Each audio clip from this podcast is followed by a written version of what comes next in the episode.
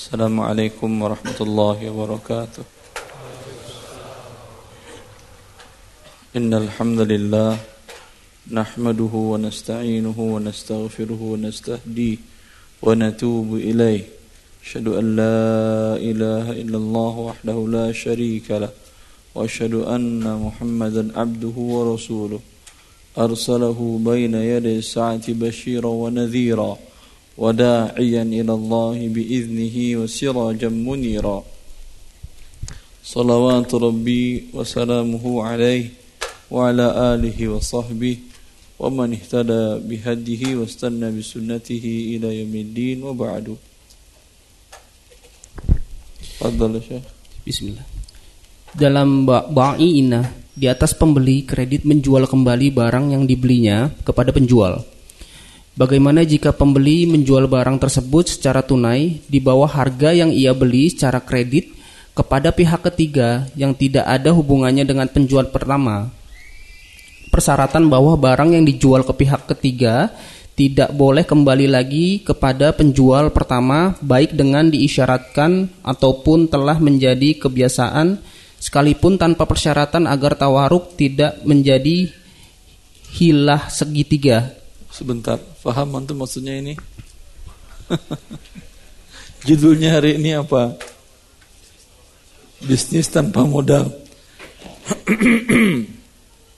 Bisnis tanpa modal, tetapi ternyata pada dia maksudnya tawarruk. Ah, maksud mereka ternyata tawarruk. Saya pikir tadi juga ceramah umum, tapi ternyata mereka mengatakan ini Ustaz tawarruk. Tawarruk dari kata warik. Warik itu berarti perak. Artinya dia ingin dia membeli barang. Tetapi yang dia inginkan dengan beli barang tadi uang. Bisa? Bisa atau tidak? Kalau Anda ingin uang, tentu pinjam uang. Ini tidak. Dia ingin uang tapi dia beli barang. Ya. Jadi asal kata itu diambil namanya tawarruk itu. Kalaulah seseorang dia ingin uang. Saya ingin uang umpamanya Ahmad ingin uang satu miliar modal untuk usahanya dia. Jelas? Datang kepada Mahmud. Kata Ahmad, pinjam saya uang satu miliar. Kata Mahmud, kalau aku pinjam kau uang kau satu miliar, ya kapan kau kembalikan? Enam bulan berikutnya. Apakah boleh Ahmad membayar memberikan pertambahan dari satu miliar tadi? Boleh? Tidak boleh disyaratkan dari awal. Si Mahmud pun tidak boleh mensyaratkan dari awal ni uang satu miliar kau kembalikanlah setelah enam bulan menjadi satu miliar lima puluh juta. Tidak boleh. Karena ini dia riba. Ya. Lalu kata si Mahmud ini agar menjadi boleh Begini caranya. Aku jual kepadamu rumah dengan cara kau kan bayar 6 bulan lagi. Dengan kau bayar 6 bulan lagi dengan harga 1 miliar 50 juta. Paham? 1 miliar 50 juta. Ya, lah, saya pengen uang. Kata si Ahmad, sebentar. Kau jual lagi kepada saya rumah itu satu miliar cash. Saya serahkan kepada kamu uang satu miliar. Nanti kau bayar enam bulan lagi satu miliar lima puluh juta. Paham antum itu? Betul jadi boleh dia? Hah? Paham kasusnya? Paham, tapi betul jadi boleh? Hah? Ini apa namanya ini? Apa nama istilah akadnya ini? Gambarannya, deskripsinya jelas. Jelas tadi kan ya. Pernah nggak terjadi dalam kehidupan Anda? Beliau bilang enggak, karena masih kecil. Kalau yang dewasa mungkin, mungkin terjadi.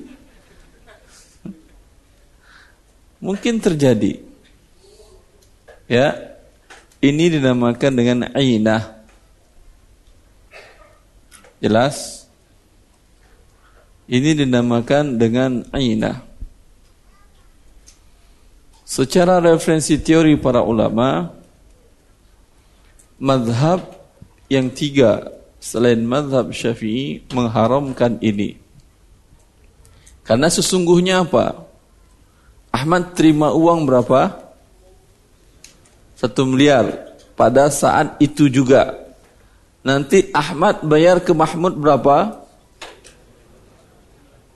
Satu miliar lima puluh juta. Riba atau tidak?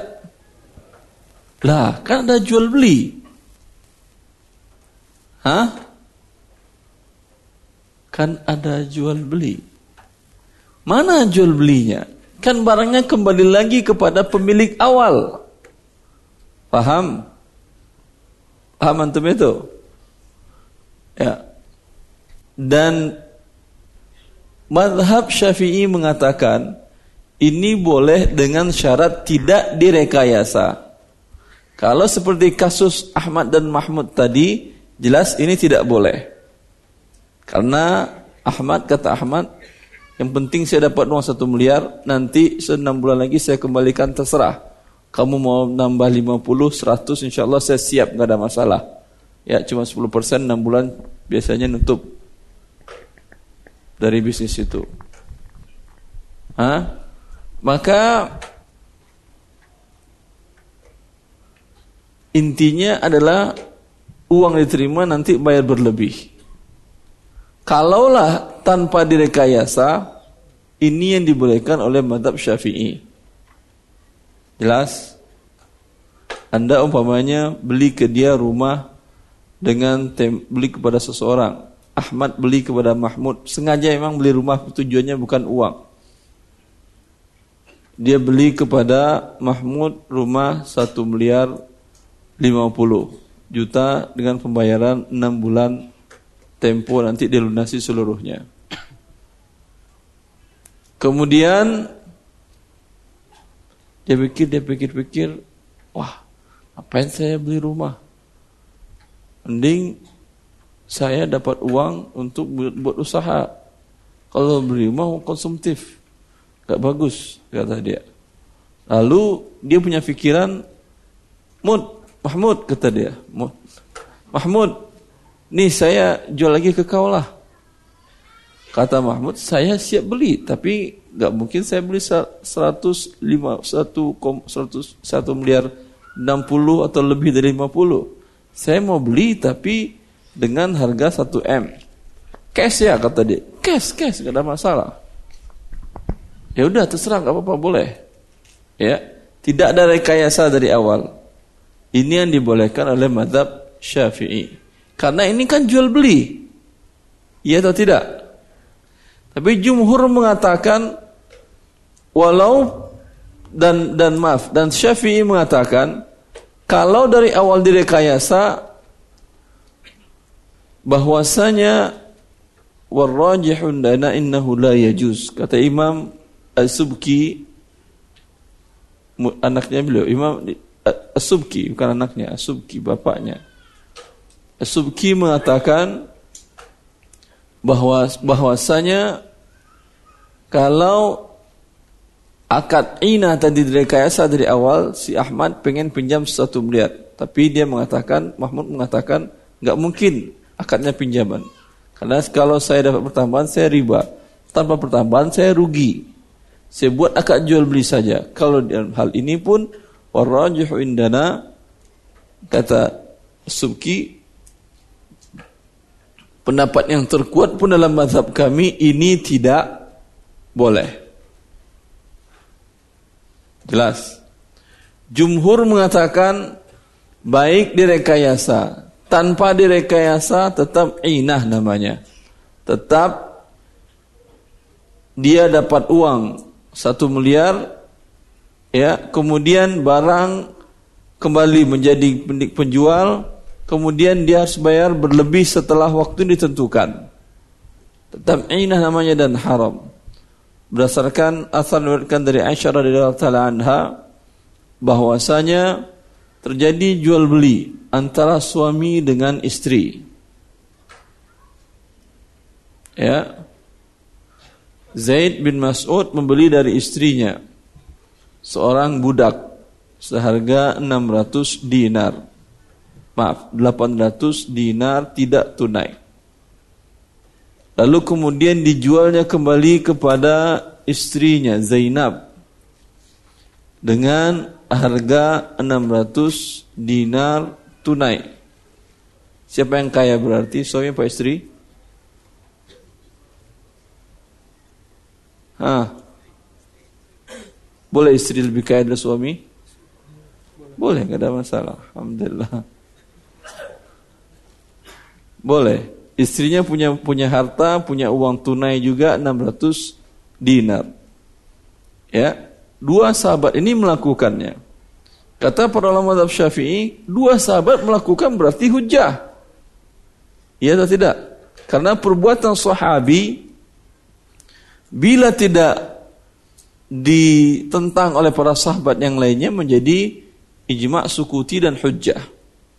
Dan qaul sahabi dalam madhab syafi'i adalah hujjah. Tapi masalahnya tidak sampai di sana. Kemudian Zaid datang kepada Aisyah. Zainab pun datang kepada Aisyah radhiyallahu anha. Dan menanyakan kepada Aisyah radhiyallahu anha. Ya. Dengan perkataan seperti menggambarkan kepada Aisyah apa yang terjadi.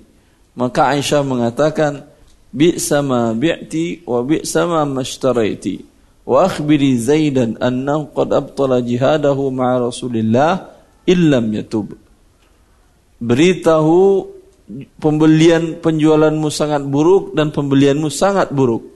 Beritahu Zaid bahwa dia telah batal pahala jihadnya bersama Rasulullah jika tidak bertaubat ini apa artinya ini ya perbuatan dosa yang sangat besar. Karena menurut Aisyah ini pengelabuan riba. Seolah-olah riba menjadi boleh dengan cara jual beli seperti ini. Ya. Maka menurut Aisyah ini adalah riba karena suaminya dapat uang 600 nanti dia bayar berlebih 800. Berarti dari kisah ini dapat kita faedah bahwa suami istri pun haram melakukan riba. Hah? Jelas antum itu? Istri pinjam uang ke anda, lalu bilang bayar lebih besok ya. 10% aja. Kan kita suami istri. Tetap tidak boleh walaupun suami istri. Baik. Ini namanya ina. Dan hukumnya haram. Tetapi bagaimana kalau andai laqaddar Allah andai umpamanya yang suaminya tadi dia beli 800 tidak tunai budak tadi dijualnya ke pihak lain ke orang lain dijualnya tunai 600 ini bukan kepada si penjual awal ini boleh atau tidak? Paham antum? Anda beli rumah kepada seseorang harga satu miliar seratus jangka waktu pembayaran satu tahun 1,1 miliar satu tahun pembayaran kemudian anda sebetulnya ingin dapat modal satu miliar. kemudian Anda jual cepat ke orang lain, bukan kepada yang penjual pertama tadi, ke orang lain Anda jual. Anda tadi Anda beli dari Ahmad, Anda jual kemudian kepada Mashkur, ya, Mashkur dijual cepat tunai dengan harga 1 M. Rugi dia 100 juta. Tapi dia dapat uang tunai 1 miliar. Ini boleh? Hah? Ini kita pelajari sekarang. Jangan jawab dulu boleh tidaknya. Baca dulu ya. Nanti ketahuan boleh apa tidaknya. Akad ini dibolehkan oleh oh, mayoritas para ulama. Oh, Masya Allah, Alhamdulillah. Boleh mayoritas para ulama. juga difatwakan boleh oleh lembaga fatwa kerajaan Arab Saudi fatwa nomor 19297 yang ditanda tangani oleh Syekh Abdul Aziz Bimbas Profesor Dr. Soleh Al Fauzan dan Dr. Bakar Abu Zaid yang berbunyi pertanyaannya mohon penjelasan tentang tawaruk dan apa hukumnya jawab tawaruk yaitu membeli barang dengan cara tidak tunai, kemudian dijual kembali kepada pihak ketiga dengan harga tunai. Tawaruk dibolehkan oleh mayoritas para ulama. Bentuk akad ini murni akad jual beli yang tidak dimaks dimaksudkan mengakali riba dan Allah telah menghalalkan menghalalkan jual beli. Allah berfirman, Allah telah menghalalkan jual beli dan mengharamkan riba. Al-Baqarah 275. Dengan demikian, maka tawaruk hukumnya boleh. Ya, alhamdulillah. Tawaruk hukumnya boleh, intinya boleh ya. Hah? Dan banyak kaum muslimin melakukan hal seperti ini. Ya. Hukumnya boleh. Anda Anda lu Anda mengatakan, "Saya kan belum lunas, Ustaz." Ya atau tidak? Bahkan DP pun belum saya bayar yang satu miliar tadi. Sudah boleh saya jual kepada orang? Hah? Apa syarat barang boleh Anda jual kepada orang kalau barang itu bukan milik Anda sebelumnya? Pertama, dibeli dengan akad. Yang kedua, di Ah. Ayo, masya Allah. Yang betul dapat hadiah ucapan jazakallah khairan. Hah? Ya? Diterima barangnya. Persyaratan kedua ini kalau tidak terpenuhi tidak sah Anda jualkan. Umpama, sering saya contohkan ini kan ya. Anda memang toko jual barang, ada stoknya. Umpamanya sembako lah, beras umpamanya. Tapi si pembeli ingin membeli lebih besar daripada stok yang ada di toko Anda. Di toko Anda beras tersebut yang dia inginkan tadi, ha? cuman ada 200 kilo dia ingin beli seribu kilo satu ton karena satu hajat atau kebutuhan. Ya, biasanya yang dilakukan oleh pedagang tadi apa? Dia telepon suppliernya. Ya atau tidak? Ada barang bang? Ada. Ya, saya beli ya. Siap saya jual. 800 kilo ya. 800 kilo saya jual. Kata dia. Terkadang bahkan, nih saya transfer langsung uang ya bang ya. Ya saya transfer uang. Terima, sudah terima uangnya. Ya, barang sudah sah milik saya ya, sudah sah kata yang punya. Lalu dia bilang kepada si pembeli depannya, sip, insya Allah deal satu ton. Nanti yang 200 kilo mau diambil sekarang boleh, yang sisanya nanti saya kirim ke rumah anda. Sering seperti ini? Ha, boleh ini? Boleh? Ada yang angguk, ada yang bilang enggak, ada segala macam. Mana yang betul? Kenyataannya ini dilakukan oleh pedagang muslim kebanyakan. Padahal Rasulullah sallallahu alaihi wasallam 1400 tahun yang lalu telah mengatakan ini kepada seorang pedagang di masa itu bernama Hakim bin Hizam dan hadisnya diriwayatkan oleh Ahlus Sunan. Ya, kemana kita enggak belajar syariat Allah? Hakim bin Hizam seorang pedagang. Dia bertanya kepada Rasulullah, "Ya Rasulullah, inni ya'tini ar-rajul yuridu minni bil alladhi laysa indi." afa abta'u lahu minas suq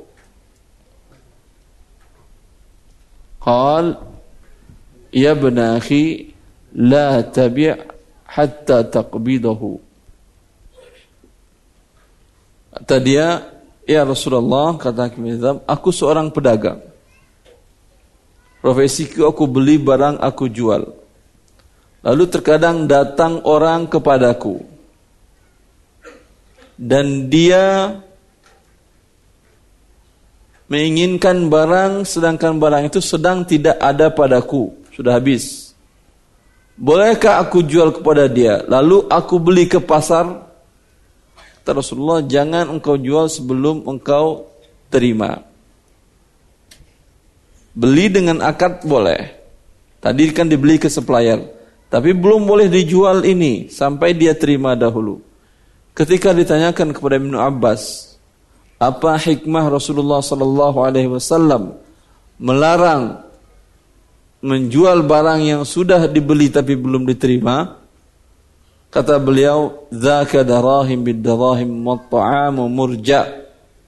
Yang terjadilah tukar uang dengan uang sedangkan barangnya tertunda. Terjadi apa? Riba. Dia sudah bayar uang ke supplier tunai. Umpamanya tadi dalam 800 kilo tadi dia bayar 80 juta.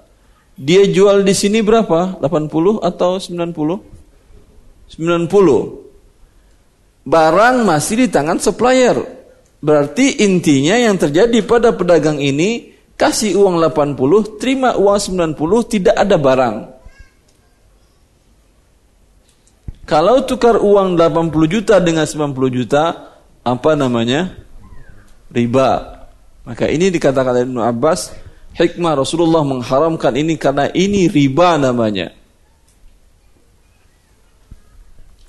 Tapi dalam kasus seperti tadi, caranya Anda minta orang Anda datang, karyawan Anda datang ke dia untuk terima barang tersebut. Mana barang saya? Katakan itu. Udah, ketika karyawan Anda sudah ambil, mungkin dinaik, dinaikin ke truk, umpamanya, saat itu karyawan Anda nelfon ke Anda, Pak, udah saya terima Pak. Baru boleh sekarang Anda jual dengan si pembeli yang di depan Anda tadi. Jelas? Bagaimana dengan tawarruk tadi? Ini sudah dibayar pun belum boleh dijual. Kalau tawar kan belum di belum dibayar, boleh dijual? Boleh? Dengan syarat setelah diterima barang tersebut. Diterima barang tersebut kan ini kelakuan Masya Allah kelakuan. kan ini cara dagangnya para pedagang umumnya kan ya. Beli ke pasar induk, beli ke pasar pusat grosiran, beli dengan tempo pembayaran 3 bulan, 4 bulan, 5 bulan, 6 bulan ke depan. Kemudian dia jual tunai di tempatnya. Iya atau tidak? Berarti kan masih ngutang itu. Tapi barang kau sudah diterimanya. Sudah boleh dia jualkan. Ya ini juga bagian dari tawarruk namanya. Ya, tapi kalau dikatakan bisnis tanpa modal tidak juga. Ini ada modal sebelumnya itu modal kepercayaan, modal relasi yang sifatnya adalah apa? Tidak tidak fisik uang.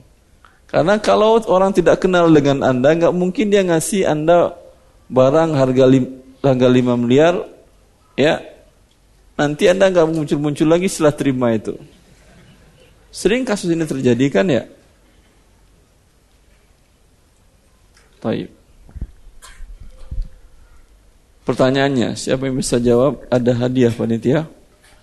Kalau tidak, saya ngasih hadiah mereka ucapan jazakallah khairan. Ada hadiah panitia? Tidak ada? Tidak ada. Nah, saya ngasih hadiah kalau ada yang betul. Ucapannya jazakallah khairan.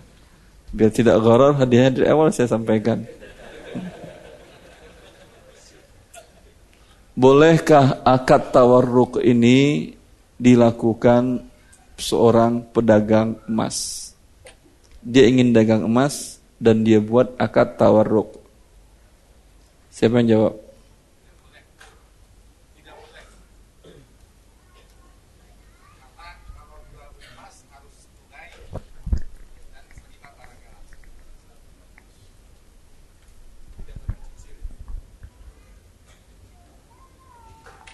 berhak dapat hadiah jazakallahu khairan. Allah barik Siap, masya Allah KFC hadiahnya.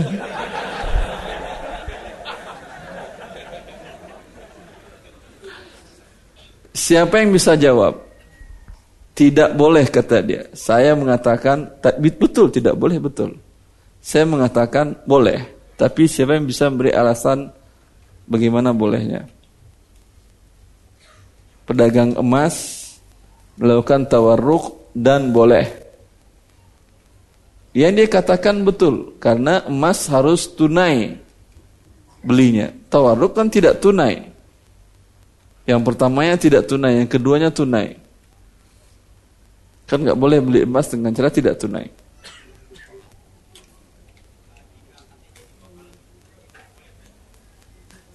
Salah. Mungkin betul tapi bukan itu yang di kepala saya. Yang betul itu yang di kepala saya. Masya Allah. Ha.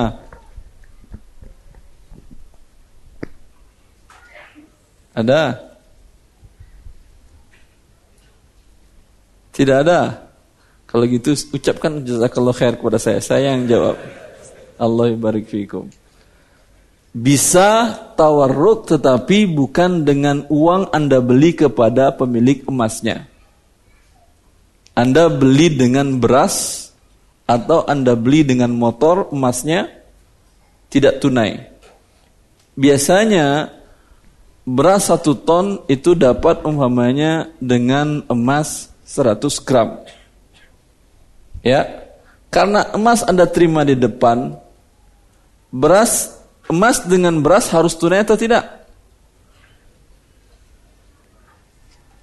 Ah, tidak. Mana dalilnya Ustaz?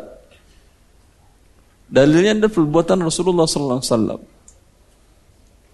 Ishtara ta'aman li ahlihi wa rahanahu dir'ahu. Rasulullah sallallahu alaihi wasallam membeli makanan pokok yaitu gandum kepada Yahudi dan beliau gadaikan baju besinya. Berarti berarti beliau jual belinya tunai atau tidak? Tidak tunai. Paham antum? Ya. Dan tentu value-nya nilainya lebih besar. Kalau umpamanya tunai, kalau rupiah dengan emas memang harus tunai karena dia satu illat yaitu sebagai mata uang.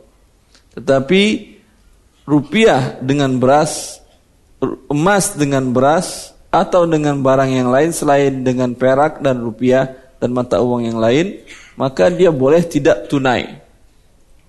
Maka Anda katakan kepada dia, saya beli tidak tunai, tapi saya nggak akan bayar dengan rupiah. Kau bayar pakai apa? Beras. Aneh, aneh atau tidak? Enggak, enggak aneh. Dia mungkin setelah itu beras itu dijualnya. Hah? Dengan konversi nilai beras kalau tunai satu 100 gram tadi dapat umpamanya satu ton. Karena emas tunai, kemudian beras nanti dia minta dengan 1,2 ton. Untung dia 200 kilo. Boleh seperti ini? Boleh atau tidak? Boleh. Dapat dia emas. Paham? Kemudian dia jual emas.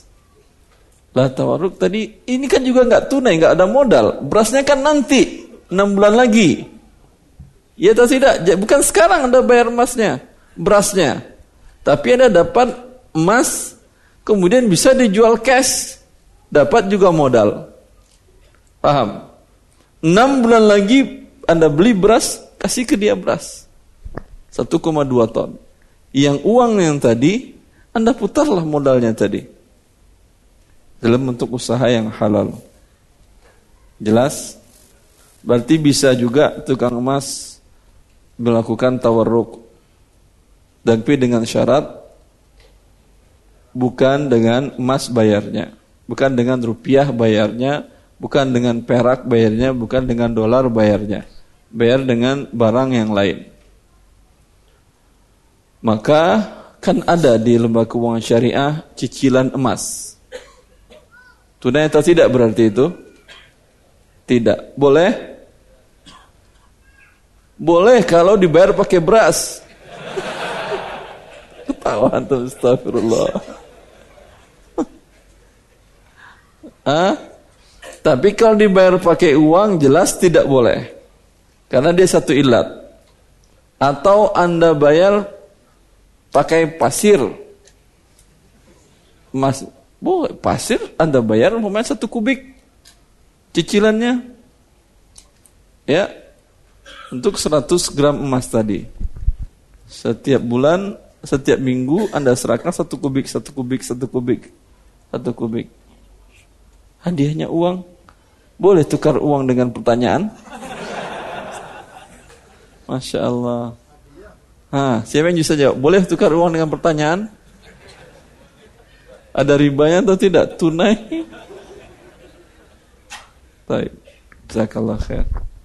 Yang tadi diganti uang lagi itu yang tadi udah berlalu, berlalu berlalu insyaallah taala. Baik. Tawaruk masrafi dalam kurung bank. Ini di Indonesia tidak ada, tidak ada, tapi pernah saya dengar DSN katanya akan membuat fatwa ini. Tapi ini sebelum dia mengeluarkan fatwanya, Oki sudah mengharamkannya. Tawarruk masrafi. Artinya bank syariah mengadopsi di, di Timur Tengah ingin mengadopsi pendapat tadi. Tadi kan tawarruk boleh. Ya atau tidak? Ini kan bagus bagi lembaga keuangan. Lembaga keuangan syariah. Ada orang ingin modal pinjaman kredit satu miliar. Ya udah, saya jual kepadamu seperti tadi rumah. Tidak tunai. Kau bayar berapa cicilan? Selama sekian cicilan. Ya saya jual 1,2 selama berapa? Dua tahun. 1,4 saya jual. Selama dua tahun.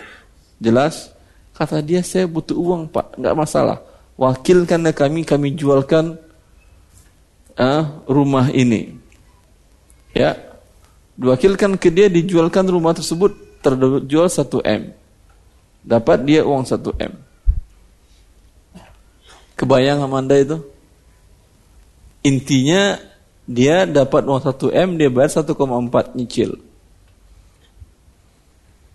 Kalaulah memang pihak ketiga tadi ya tidak ada hubungannya dengan bank tadi, bukan anak perusahaannya, bukan segala macam, sama sekali tidak ada hubungan. Boleh menurut pendapat yang bolehkan tawarruk tadi. Itu apa lagi? Uang lagi, masya Allah.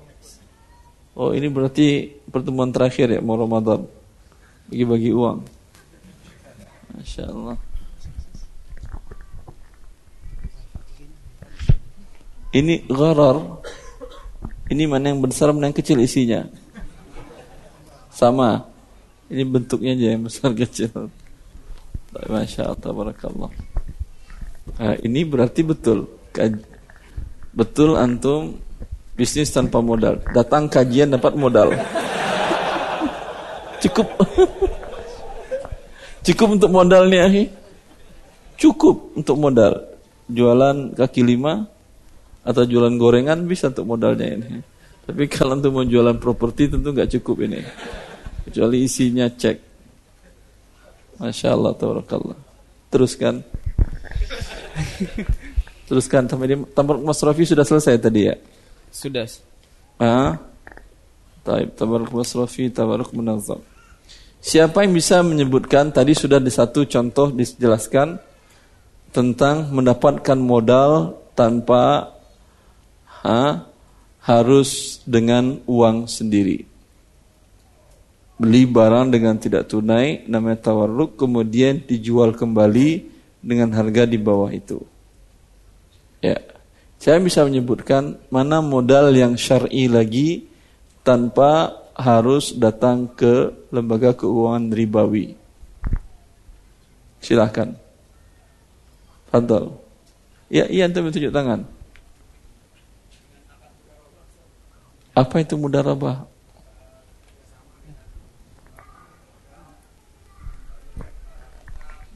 Bisa pakai mic ahi afwan. Pakai mic, ya. maju ke mic. Ya, sehingga kalau salah jelas salahnya dengan alat mudarobah Ustaz. Jadi Mudar, mudarobah salah. Mudarobah. Dengan... Mudarobah salah, tidak ada mudarobah akad. Oh salah. Iya. Kerjasama syirkah. Yang ada mudorobah. Mudorobah. Ah, akadnya apa? Mudorobah Ustaz. Ah, mudorobah ada. Ah. Iya. Apa itu mudorobah? Uh, jadi kerjasama dengan antara pemilik modal dengan pekerja. Nanti pemilik modal memberikan modal, pekerja melakukan pekerjaannya. Nanti kerjanya apa? Kerjanya membangun usaha bersama-sama. Usaha tapi pemilik modal nggak bekerja, eh, nggak uh, bekerja hanya memberikan modal, si pekerja yang melakukan 100% pekerjaan seperti itu. Peke, jenis pekerjaannya apa? Pekerjaannya bisa apa pun, Ustaz. Proyek, apa aja gitu. Apa aja. Setahu saya apa aja? Apa aja. Walaupun jual beli rokok gitu. Oh, jangan, Ustaz. Jual beli miras. Ustaz. Jual beli yang halal. Hah? Jual beli yang halal, usaha yang halal. Ah, apa saja Gimana? Boleh kasih amplop ini ya? Biar dapat modal dia. Hah? Boleh, fadal. Saya pilih. Sama isinya. Fadal. Masya Allah, tabarakallah. Iya, Masya Allah, tabarakallah. Antum sudah nikah? Ah, bisa modal nikah. Taufik Allah barik dari panitia. Taufik afakumullah. Allah barik fiikum. Mudorobah banyak orang mengartikan dengan seluruh bentuk usaha apa saja. Tidak.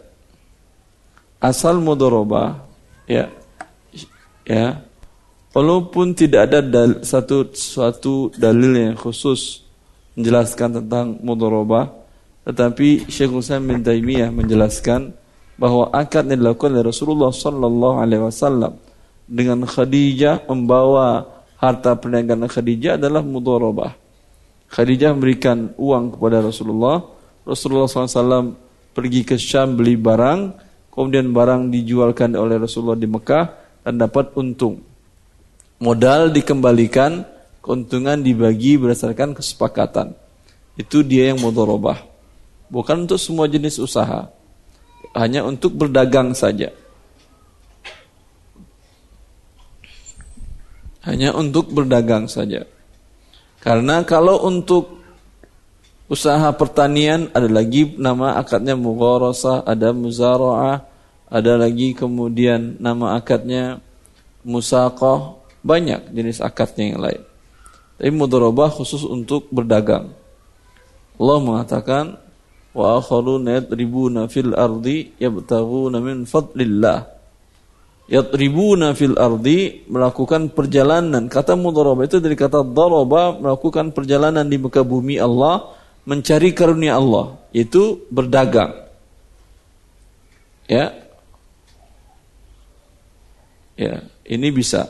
Tetapi modal yang dimiliki oleh si pengelola ini apa modalnya berarti sifat amanah dan profesional dalam berdagang kalau dia terima uang Anda, kemudian dia pergi menghilang, gimana? Hah? Sering nggak terjadi seperti ini? Sering. Bagaimana? Maka jangan pernah serahkan uang kepada orang lain kalau Anda tidak percaya dengan dia, melainkan Anda minta jaminan. Ya, ada teman ngajak Anda dagang bisnis, kata dia, saya tahu di daerah Fulan ada hasil yang bagus hasil daerah itu yang bisa dijual dengan harga yang lumayan bagus di Jakarta atau di kota Surabaya, kota-kota besar yang lainnya. Souvenir atau apa yang halal bentuknya. Atau terkadang barang hasil alam. Ya. Tapi butuh saya modal Pak. Akhi tadi. Berapa modalnya? Ya nggak besar lah 150 juta. Ya. Ketika dia minta modal, akhi dia mengatakan. Setelah dia terima modal, ah, maka Anda mengatakan, saya serahkan 150 juta insya Allah ada. Tapi so, tolong surat sertifikat rumah Anda taruh di sini dan buat akad kuasa menjualkan kalau Anda lari. Kalau rugi saya tanggung. Tapi kalau lari tentu Anda yang tanggung. Kalau rugi setelah Anda melakukan semuanya dengan profesionalisme yang baik, ya, saya yang nanggung. Tapi kalau rugi karena Anda tidak profesional, ya, malas Anda dalam menjualkannya, mencari barang yang bagus, kemudian mencari pembelinya di kota-kota yang besar yang Anda katakan dari awal tadi, Anda menanggung kerugian. Jelas, ini dia mudharabah, betul. Dengan ini juga bisa seorang menjalankan bisnis tanpa harus keluar uang dari dia satu rupiah. Tapi sebetulnya ada modalnya. Modalnya profesionalisme dia dalam dagang tadi dan dia adalah orang yang amanah. Kalau tidak amanah, siapa yang mau ngasih modal kepada Anda?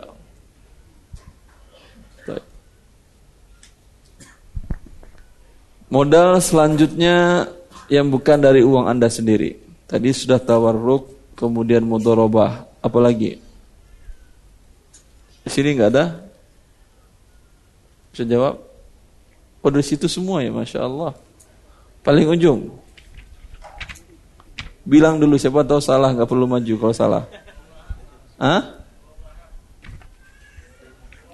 Merubah dapat barang atau uang?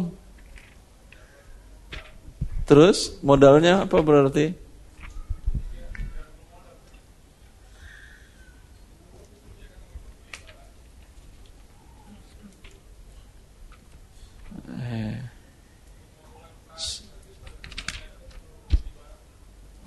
Dia dapat barang, terus dijualnya.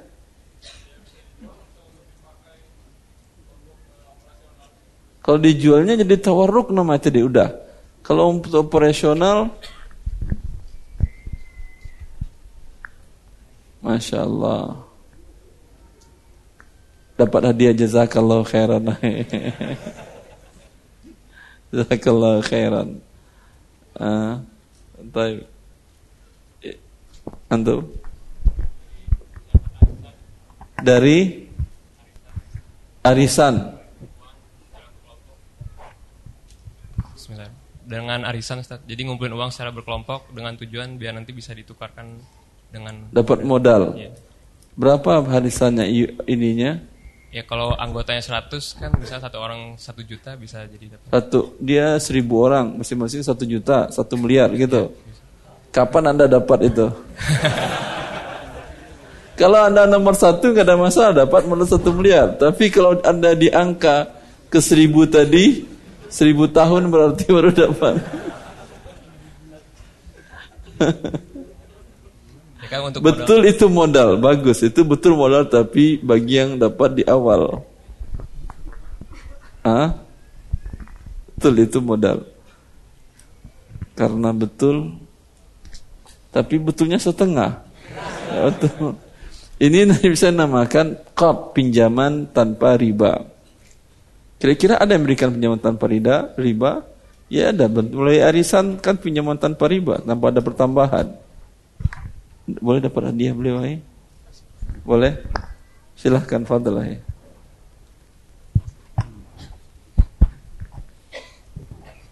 Ya Allah barik fik. Itu bisa untuk arisan itu. Ibu-ibu ada yang menjawab apalagi modal dalam berbisnis? Kita sudah menyediakan mic di bagian ahwat bisa dibantu panitia. Masya Allah ada empat amplop lagi ibu-ibu. Ibu-ibu yang arisan harusnya tadi arisan ibu ibu itu. Ibu ada? Khusus ibu-ibu, ntar dulu. Ibu, Ada Ustadz Afwan. apa modalnya?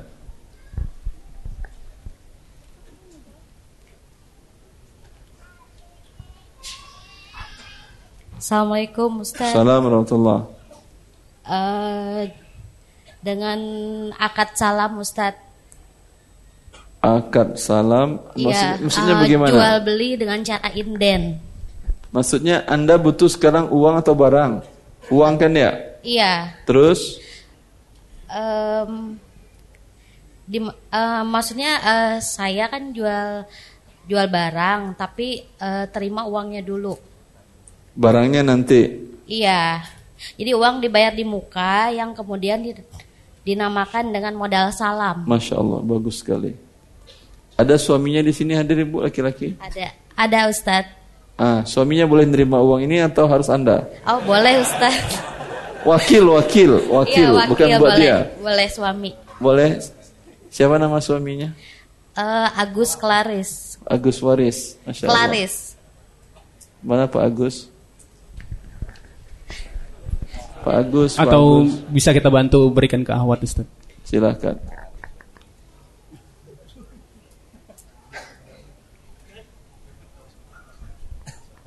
Taib. Iya, betul dengan akad salam. Ya.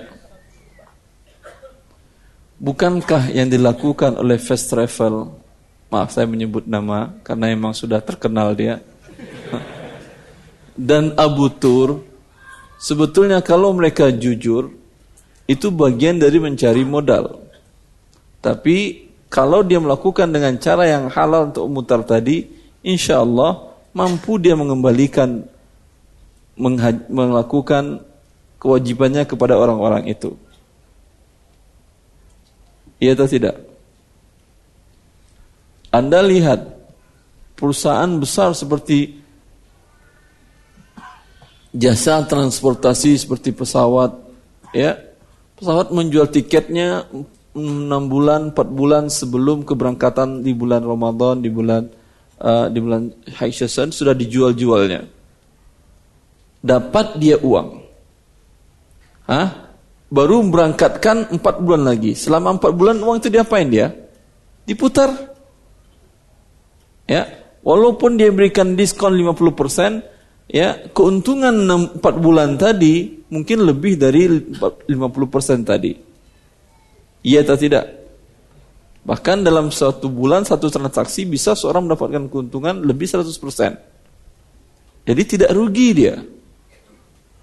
Ya. Dan betul apa yang dilakukan oleh pihak PLN ketika mereka membuat tok listrik prabayar.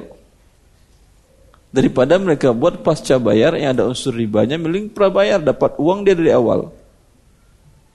Ya. Dan ini juga sering saya sampaikan kepada sekolahan yang mereka membutuhkan biaya besar untuk beli tanah, rehab sekolah segala macam.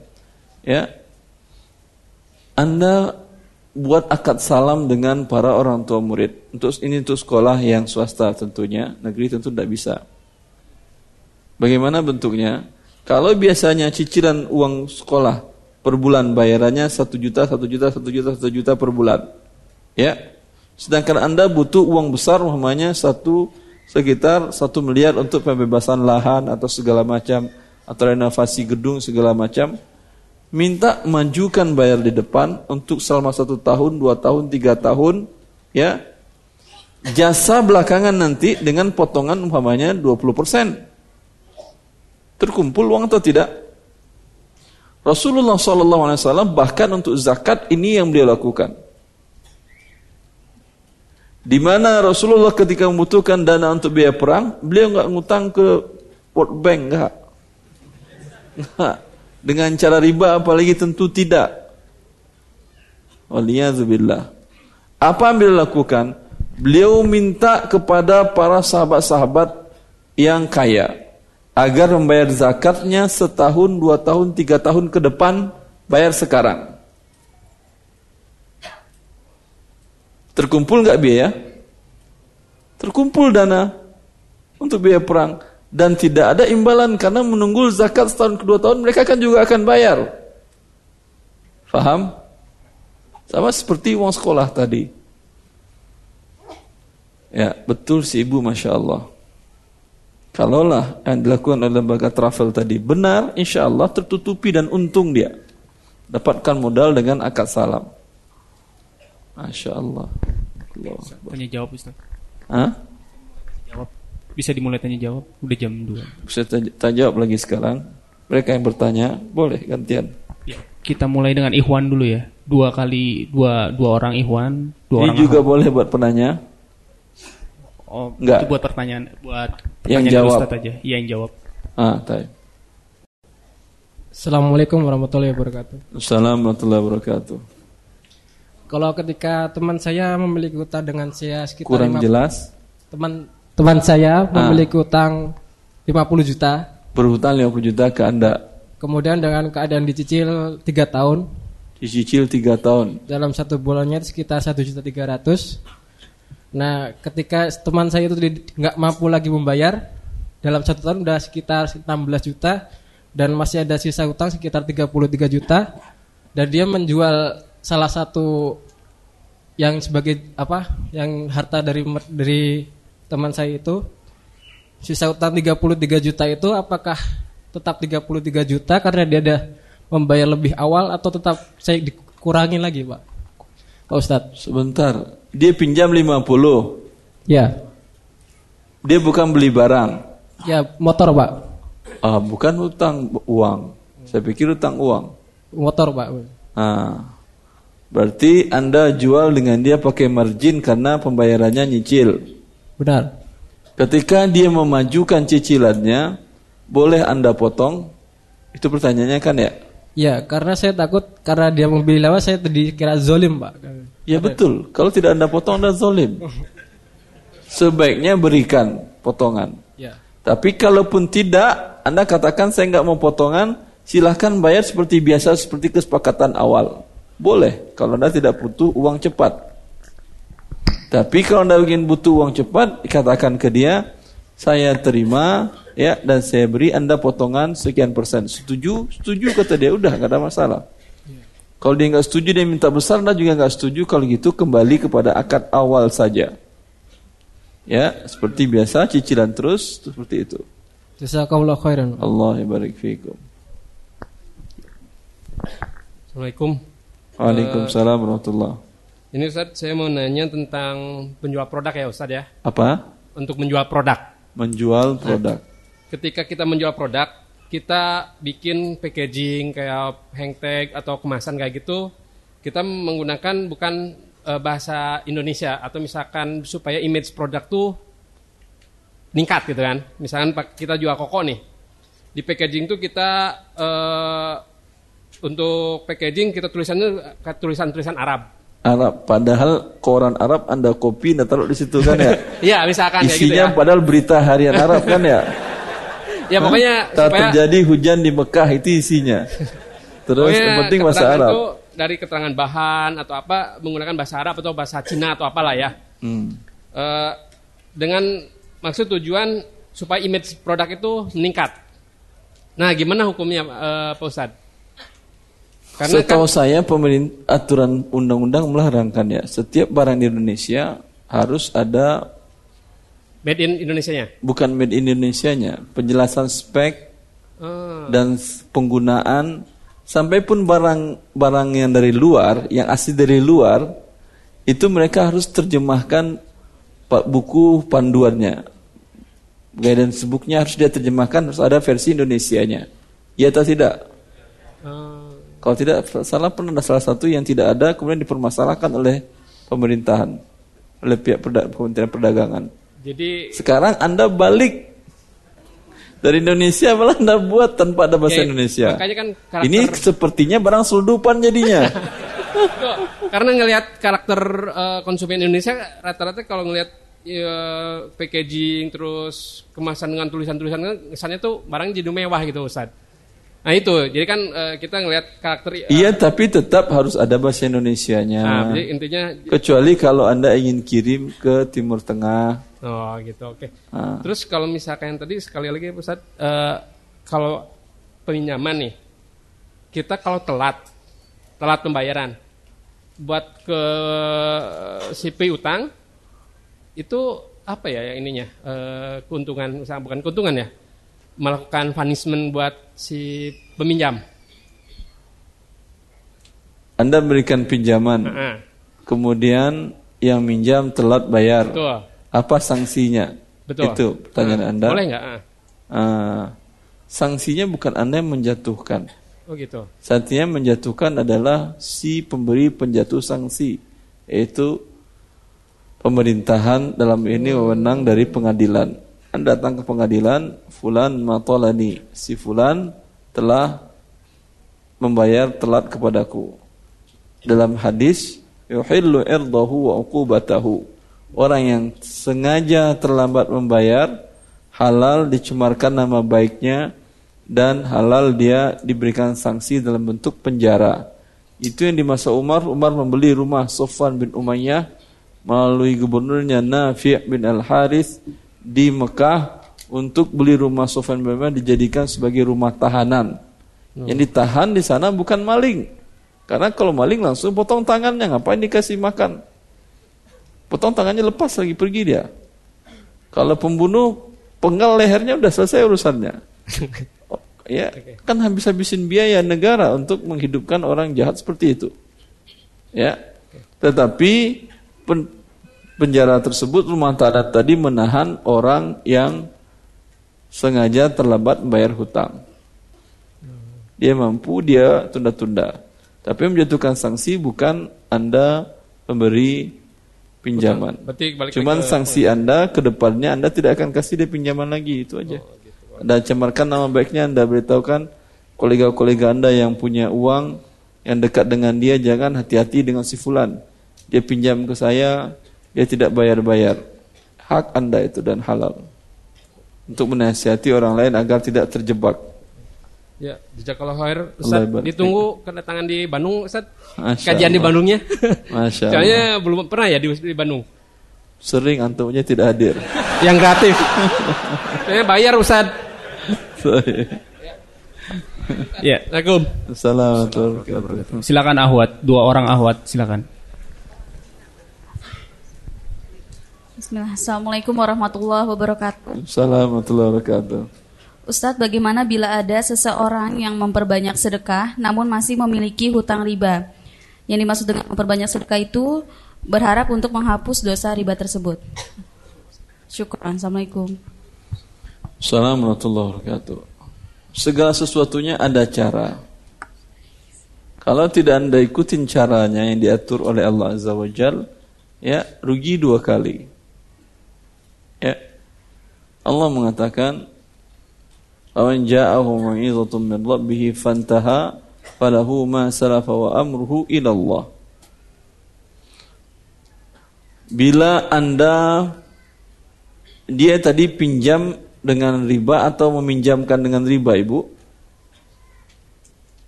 Eh, cicilan rumah Ustadz ke Berarti bank. dia pinjam. Iya, Ya, dia pinjam dengan ada riba. iya. Maka kalau dia bertobat kepada Allah bukan dengan bersedekah. Berhenti dari cicilan riba tadi. Bagaimana caranya? Bayar sisa pokoknya. Begitu caranya. Setelah terbayar, kalau Anda mau sedekah, silahkan. Tapi kalau belum bayar, masih ada akad ribanya, sedekah Anda tidak ada gunanya. Karena lebih penting Anda menutupi akad yang dalam syariat Islam meninggalkan yang haram lebih penting daripada melakukan yang wajib. Meninggalkan yang haram lebih penting daripada melakukan yang wajib. Melakukan yang wajib ada toleransi dalam syariat Islam. Allah mengatakan, "Fatu minhum mastata'tum." Lakukan semampu kalian. Tapi meninggalkan yang haram tidak ada, tinggalkan semampu kalian tidak ada. Zina langsung berhenti berhenti. Khamar berhenti berhenti. Riba berhenti berhenti tidak ada diangsur diangsur diangsur tidak ada. Ya biasa zina lima kali sehari kurangi jadi tiga kali sehari. Tidak. Langsung berhenti itu yang bertaubat. Paham? Paham Ustaz. Selanjutnya Wat.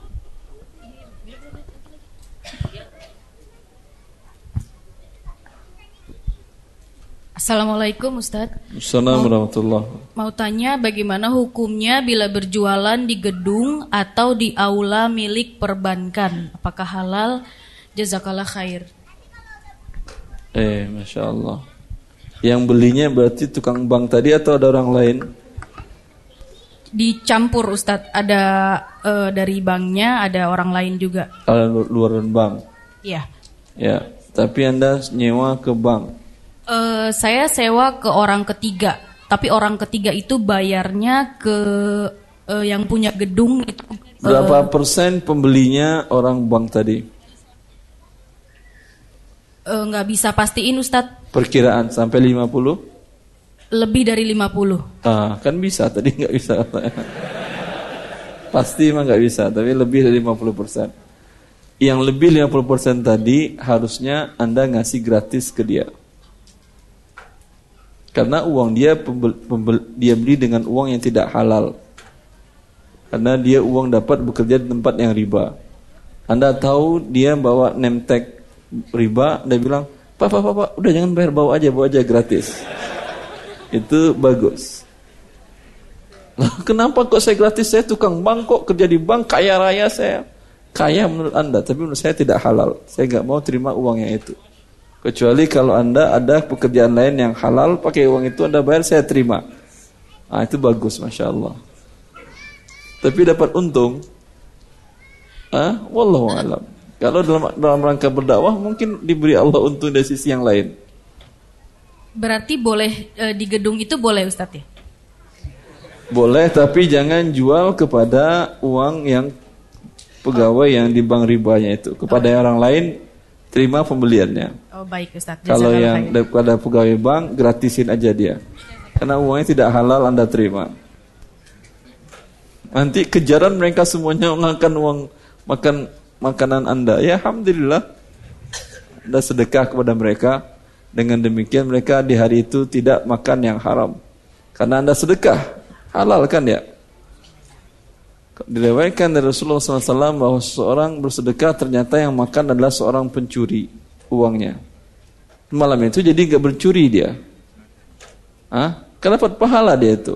Jadi di hari dia makan makanan makanan Anda, dia tidak makan dari uang gajinya yang haram. Kan Anda berpahala. Alhamdulillah. Ya. Silakan Ikhwan. Assalamualaikum warahmatullahi wabarakatuh Ustaz. Assalamualaikum warahmatullahi wabarakatuh. Uh, Ana pedagang buku online dengan Masya akad wakalah. Jadi teman Ana yang punya buku, saya wakilkan untuk berjualan di sosial media ataupun marketplace. Uh, pertanyaannya Ustaz, uh, misalkan Ustaz beli buku ke saya, Akad wakalahnya dengan Anda bagaimana? akad wakalahnya itu saya diberi kebebasan untuk menjual kepada siapa pun dengan harga modal yang dia tentukan. Ditentukan. Saya, saya Ketika ada orang yang beli dari Anda, Anda minta dia kirimkan barang, dia minta uang cash dulu ke Anda atau tidak? Uh, enggak, jadi kebetulan tetangga sebelah jadinya. Jadi uh, saya boleh jual dengan harga berapa saja. Uh, saya bayar langsung ke dia di tempat saya bawa, saya kirim langsung ke orangnya. Bisa dipahamin, Ustaz? Boleh diulang? Sebentar. Ada orang mau beli dari Anda. Iya, jadinya Langsung Anda oke kan, deal kan jual belinya? Iya, Iya. Padahal barang belum Anda beli dari tetangga Anda. iya. Tidak boleh. Enggak, tapi sebelumnya dia, uh, kamu boleh mewakilkan saya untuk menjual kepada siapa pun dengan akad wakalah. Akad wakalah itu ya Anda tidak bayar ke dia seperti tadi saya mengatakan akad wakalah bil ujroh.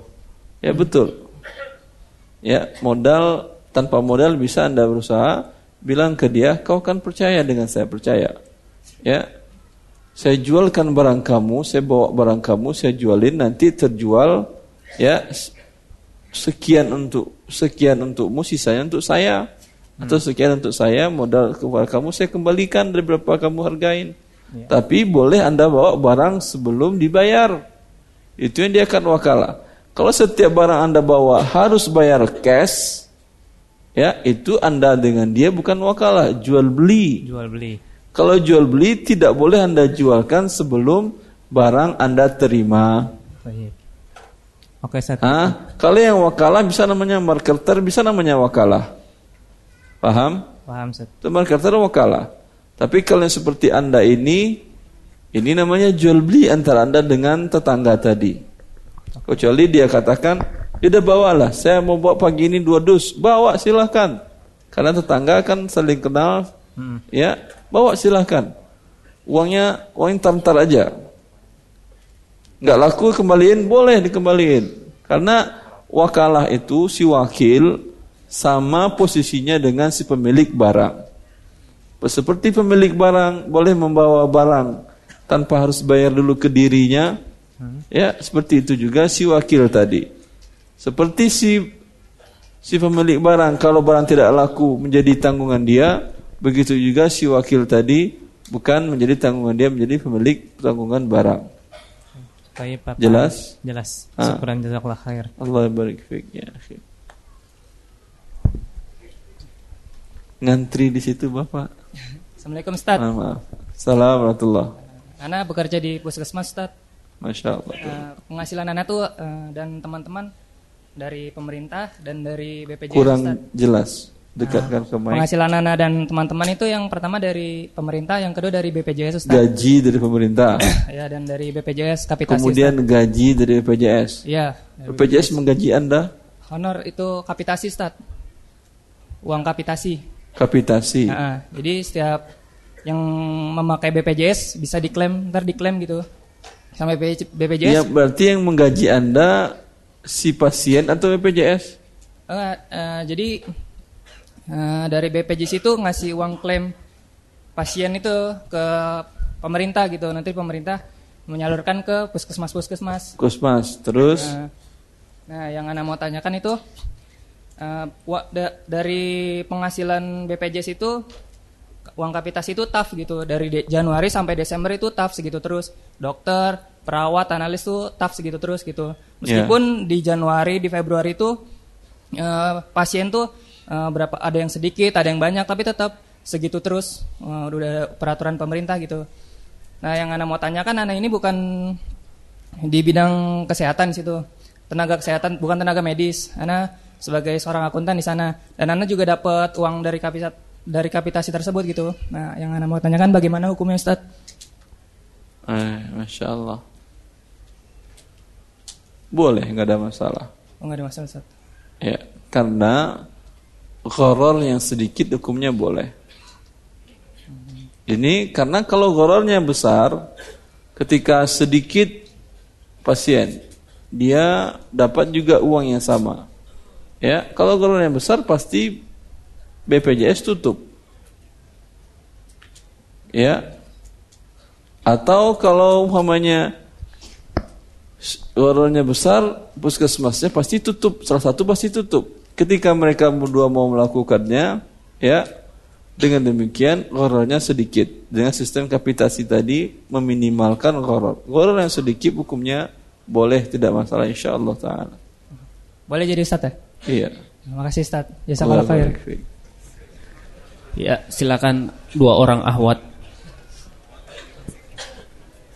Uh, Bismillah, Uh, Ustadz ingin bertanya Ustadz, ini ada seorang kerabat kami yang sedang bingung. Uh, ibunya, ya apa? Al- ayahnya telah almarhum 20 tahun yang lalu dan uh, menurut beliau ibunya itu tidak membagi hak waris perusahaan dan sebagainya dengan secara syar'i. Setelah dia mengenal ilmu syar'i, dia merasa itu uh, berarti harta yang apa yang dia makan itu tidak halal. Tapi di sisi lain eh, jadi dia berhenti untuk makan masakan ibunya, tapi dia juga bingung takut menyakiti hati ibunya. Itu gimana Ustadz? Kenapa dia meyakini tidak halal? Eh, karena tidak dibagi harta warisnya itu sesuai dengan aturan syar'i dan sudah disampaikan kepada ibu. Dikuasai oleh ibunya semuanya. Iya dan Ah. kakaknya kalau nggak salah. Ah? Iya, iya. Yang iya. meninggal siapa? Ayahnya kerabat kami itu. Ayahnya kerabat Anda. Iya. Istrinya masih hidup. Ayahnya, iya, ibunya masih hidup, iya. Istri yang meninggal ini masih hidup. Masih menjadi ibunya kerabat kami itu. Iya. Istri yang meninggal. Iya. Bukan. masih hidup. Berarti kerabat kami tadi itu adalah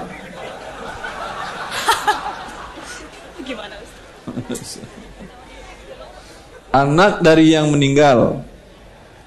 Iya, betul sekali Ustaz. Iya, dia ada hak khair. juga di situ. Ya, Dia juga ada hak di situ. Iya. Ya, boleh kalau sekedar makan.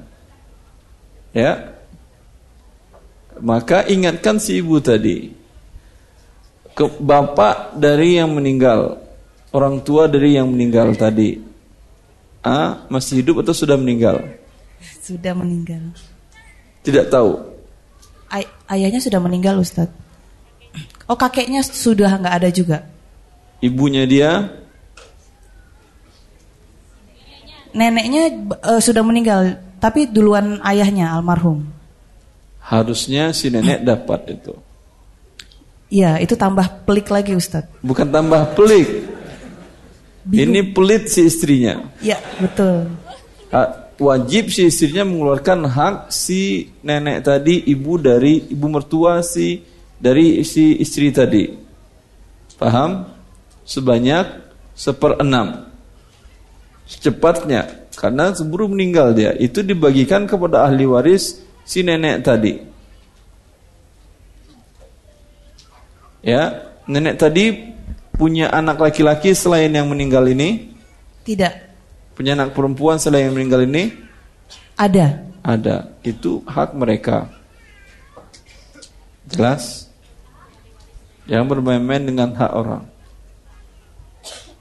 Berarti kalau untuk eh, untuk keseharian kerabat kami itu dia boleh memakan makanan yang disediakan oleh ibunya dia, walaupun dia berapa orang? Ya, bapak tadi punya yang kerabat kami berapa bersaudara kandung? eh, dia lima, lima, lima. Berapa laki, berapa perempuan? Dua laki, yang satu kedua, kemudian yang perempuan tiga. Laki dua, perempuan tiga. Ya, itu dibagi tujuh, pas. Untuk istrinya seperdelapan, untuk si anak perempuannya seperdelapan, untuk laki-lakinya dua per delapan, dua per delapan. Dua per delapan. Jelas? Jadi hak is anak kerabat kami ini perempuan atau laki-laki yang bertanya? Perempuan.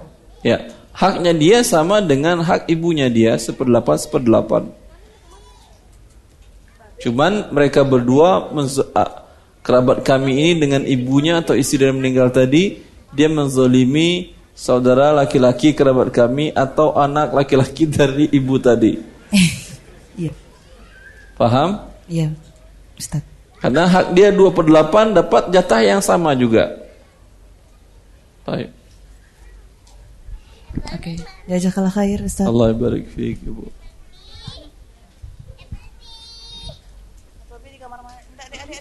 Masih ada lagi Ahwat? Ada. Eh, Bismillah, Eh, Ustadz izin bertanya, ayah Ana eh, membeli rumah seharga 250 juta kalau dibayar cash. Tetapi belinya ini eh, dicicil jadi 300 sekitar 300-an juta dan dicicilnya ini ke ke ke pengembangnya. Jadi pengembangnya itu yang bayar ke banknya. Apakah eh, ayah Ana ini termasuk eh, ini hutang riba? Ayah Anda beli ke developer Iya, dengan cara dicicil. iya. Tapi developer, bagaimana developer bisa menjualkan ke bank? Eh, maksudnya kan harusnya cicilannya ke bank, tapi eh, disesuaikan dengan gaji. Jadi gajinya itu udah nggak cukup buat eh, buat bayar cicilan ke bank karena ada eh, pinjaman dari bank dari bank lain itu. Jadi ayah anak punya riba eh, punya hutang riba banyak banget gitu. Ah, Eh, astagfirullahaladzim.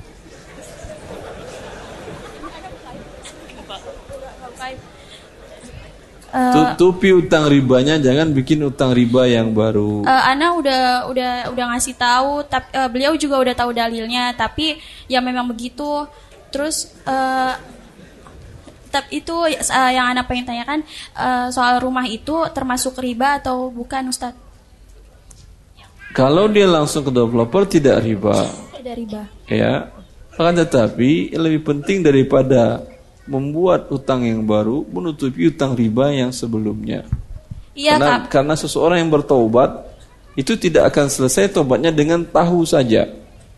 Allah tidak mengatakan bila seorang tahu bahwa hukum riba haram maka boleh dia diam saja. Tidak.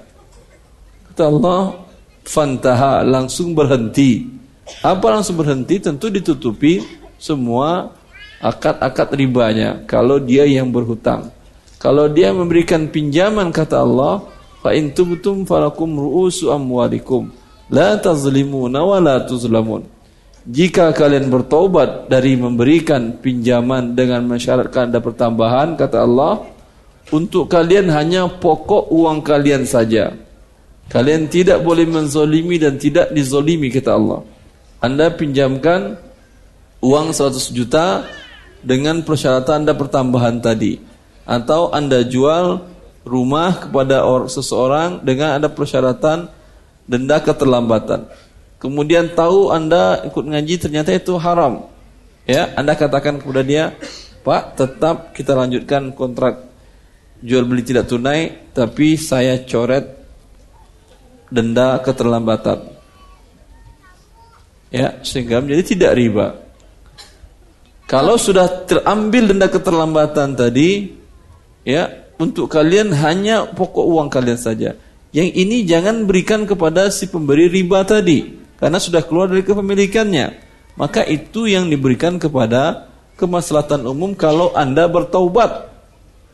Tapi kalau terus dibuat akadnya, dibuat akadnya, dibuat akadnya terus berarti belum pernah bertaubat anda. Jelas ibu? Uh, Ingatkan kepada orang tua Anda. Tidak ada artinya mengetahui kalau tidak melakukan pertobatan kepada Allah Azza wa Jalla. uh, Ustadz itu apa? Uh, ayah anak bayarnya itu santai ke nak kok mati? Karena uh, pengembang itu kan teman uh, teman-teman sendiri. Jadi yang kena denda-denda itunya kan si pengembangnya. Jadi hukumnya tetap bukan riba ya? Ayah Anda kan jual belinya dengan developer. Iya. Ya, ayah Anda tidak ada masalah. Sama juga seorang karyawan. Dia dia membeli kendaraan roda 4 atau roda 2 ke, ke perusahaan tempat dia bekerja. Lalu perusahaannya yang membuat akad riba dengan lembaga keuangan riba. Paham? Ya. Sedangkan antara perusahaan dengan karyawannya tadi akan jual beli tanpa ada denda keterlambatan. Langsung potong dari gaji. Gak ada masalah, dia nggak berdosa. Yang berdosa adalah perusahaannya. Oh, Baik Ustadz. Jazakallah Allah khair. Allah salim. Ya, ah silakan. Assalamualaikum ya. Assalamualaikum warahmatullahi wabarakatuh. Ya, Ustadz eh, mau tanya kalau misalkan kayak bisnis catering itu kan kita biasanya ada pembayaran di depan, Ustadz. Tapi kalau misalkan qadar Allah sehari sebelum itu batal perjanjiannya, apa yang harus saya lakukan, Ustadz? Kira-kira apakah seluruh pembayaran di awalnya dikembalikan atau saya kembalikan berdasarkan porsi Sebentar, yang belum dibelanjakan gitu ya? sebentar. Ya. Anda catering, usaha catering. Ya, insyaallah. Terus Eh, jadi pembayaran bayar dilakukan DP di awal. di awal. Iya. Berapa persen? 30, 40? Eh, termin Ustadz biasanya nanti sekitar seminggu sebelum biasanya pelunasan seperti itu. Iya, terus Nah, pertanyaannya cuman, apa? Kalau misalkan udah belanja, terus tiba-tiba sehari-hari yang dekat ini kodar Allah batal gitu. Yang batal siapa? Dia pihak. Dia customer. membatalkan. Iya. Terus? Nah, apakah pembayaran di awal itu harus dikembalikan seluruhnya atau cukup dikembalikan apa yang belum kita belanjakan aja gitu, Ustaz? Belanjaannya kasih ke dia. Oke. Ah. Termasuk sama pembayaran di awal Iya, uangnya itu? uang Anda sudah. Oh, jadi pembayaran yang di awal dia lakukan tadi udah sepenuhnya jadi hak saya gitu, Sat. Betul. Tapi apa yang sudah saya belanjakan dikembalikan Kasih ke, ke dia. pihaknya. Ah. Oh, gitu. Yang belum berbentuk uang masih milik Anda.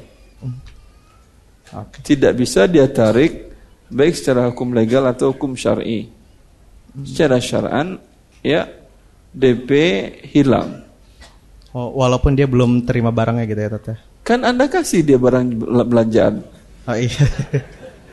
oh jadi cukup barangnya aja yang dikasih, selebihnya jadi hak saya seperti itu. Iya. Oke, kalau gitu. Allah Ya, Jazakallah khairan. Ustaz. Allah salam.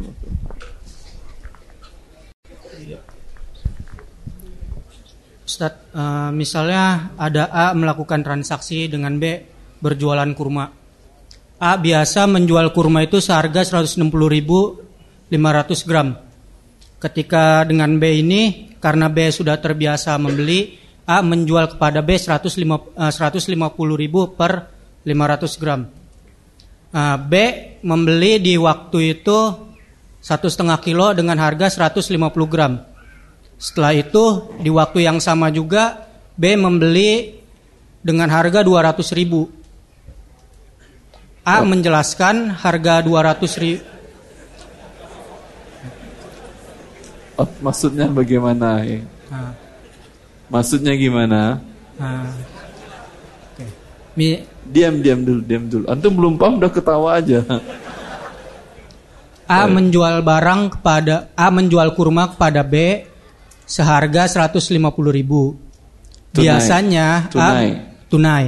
Biasanya A menjual kurma itu 160 ribu Ke si B tadi. kepada siapa pun. Kecuali si B. Kepada siapa pun. Tetapi Oke, awalnya gini Ustadz. Nah, A, A menjual kurma seharga 500 ribu, 160 ribu per 500 gram kepada siapa pun. Terus. Tetapi karena ada karena B terbiasa membeli kepada A, A menurunkan harga menjadi 150 ribu per Ya. 500 gram. Nah, Terus. ketika itu B mem- pada saat pada saat misalnya hari ini B membeli satu setengah kilo dengan harga 150 ribu. Berarti B untungnya Berarti besar. berarti B membeli dengan 450 ribu 450 ribu dengan satu setengah kilo kemudian Maka ada kemudiannya lagi terus. kalau itu kayaknya nggak ada masalah kalau itu kan Ustaz Artinya si A kepada B menjual di bawah harga orang lain. betul Boleh, digratisinnya untuk si B juga boleh.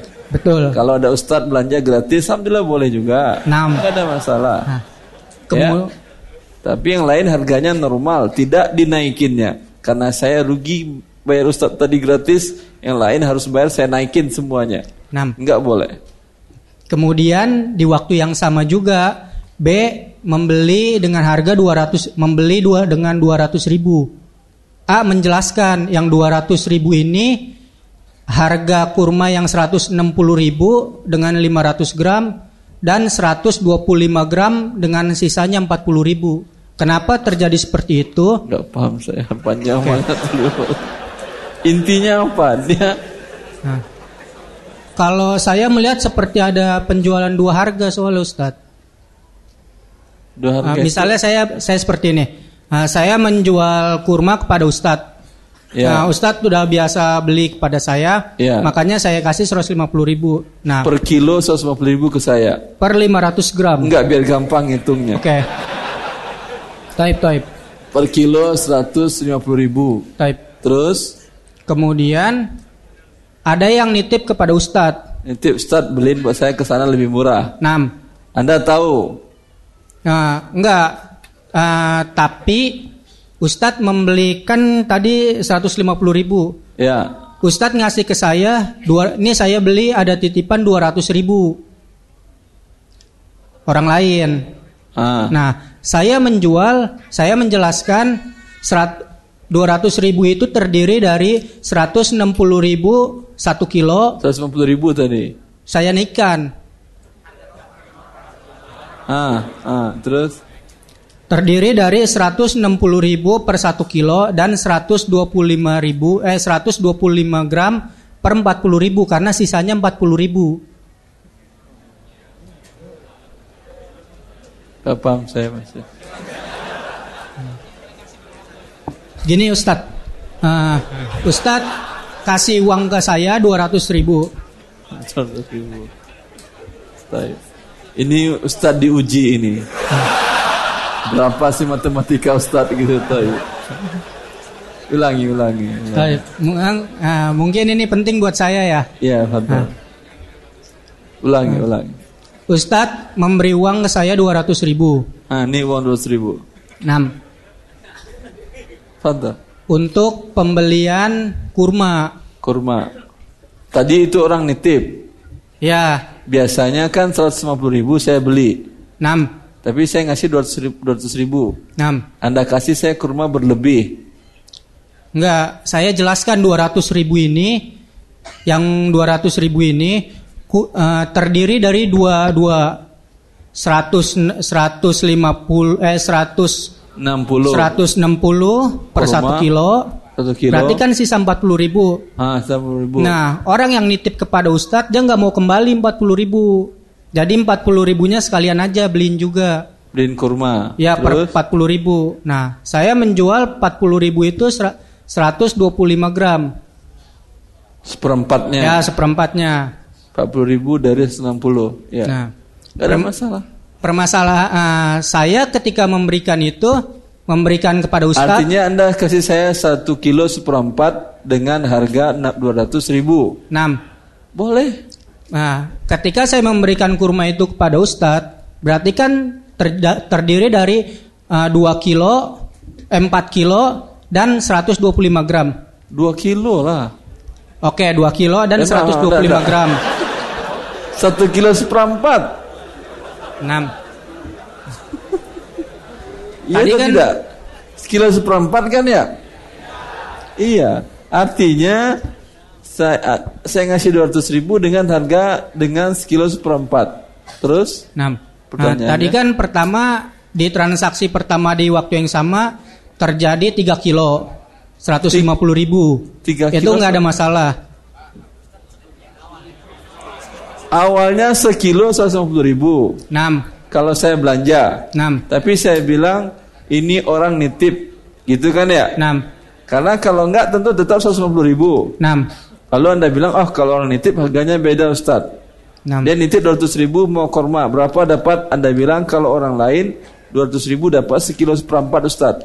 6. Orang itu setuju. Dia wakilkan ke saya sudah untuk belinya. Apa salahnya? Ketika saya memberikan kurmanya tercampur Ustadz yang 100 yang 160 ribu dan 150 ribu itu. Saya nggak memberi tanda yang mana ku- kurma yang untuk Ustadz beli dan kurma yang titipan itu. Oh jenis kurmanya beda. Jenis kurmanya sama. Iya, betul, betul. Paham saya. Boleh, boleh. Boleh. Boleh. Nggak ada masalah. Nggak ada masalah. Kalau seperti kalau seperti ini Ustaz. Ustadz Saya Ah. jamin boleh. Oke. Ay, sudah Ya, paham. jazakallah khair. Allah barik fiik. Assalamualaikum warahmatullahi wabarakatuh, Ustaz. Salam warahmatullahi wabarakatuh, Ibu. Ya, eh, almarhum memiliki perusahaan agen koran. Ada fasilitas dari penerbit apabila seluruh Kurang jelas apa Ibu? Oh ya, almarhum memiliki perusahaan agen koran. Dan ada fasilitas dari penerbit apabila seluruh setoran pelanggan dibayar di awal bulan. Apa ulangi ulangi? A- ada fas, eh, ada fasilitas. Enggak da- dari awal tadi apa? Oh ya, almarhum memiliki perusahaan Almarhum itu siapa? Laki perempuan? eh, laki-laki, bapak. Masih hidup? Eh, sudah meninggal, almarhum. Ya, Ki. maaf Ibu ya. Iya. Jadi Siapa yang bisa jawab? Saya bertanya sekarang. Bolehkah menamakan orang meninggal almarhum? Siapa yang jawab tidak? Maaf. Ah, ambil satu. Masya Allah. Oh ya. Apa alasannya tidak boleh?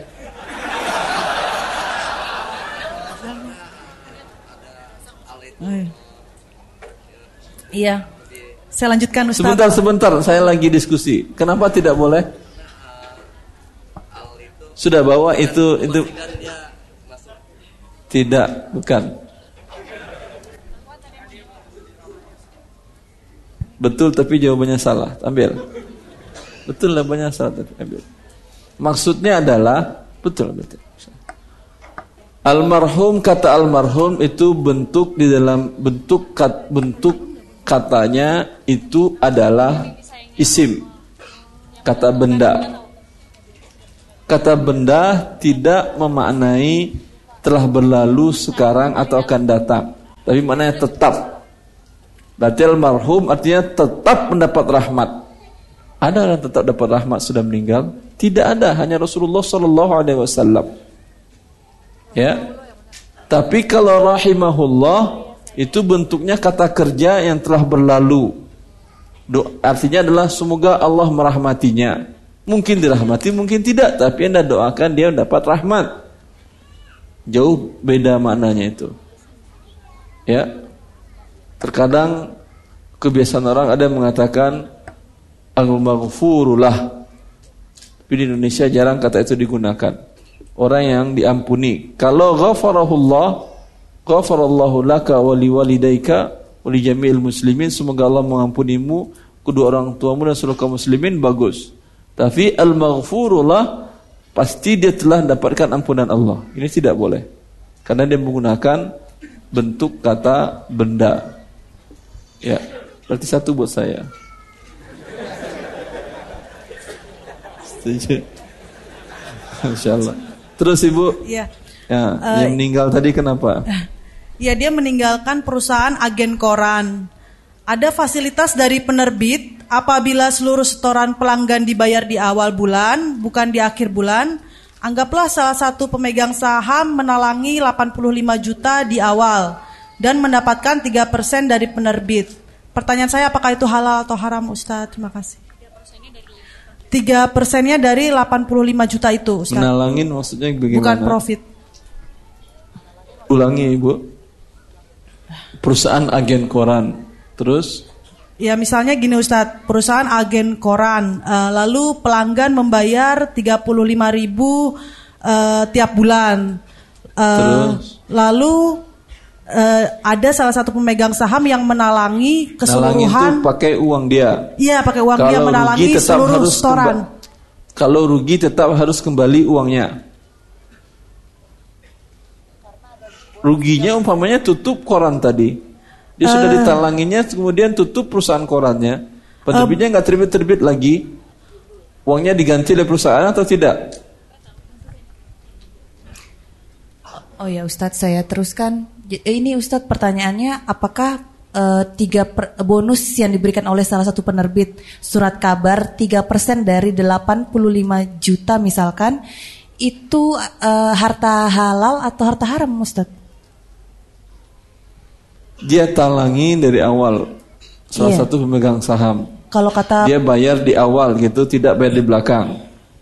Iya kalau bayar di awal Lebih ada potongan. artinya menalangi semua setoran pelanggan yang biasanya bayar di akhir bulan dapat bonus 3%. Sebentar, antara Anda agen dengan penerbit koran itu akadnya apa berarti?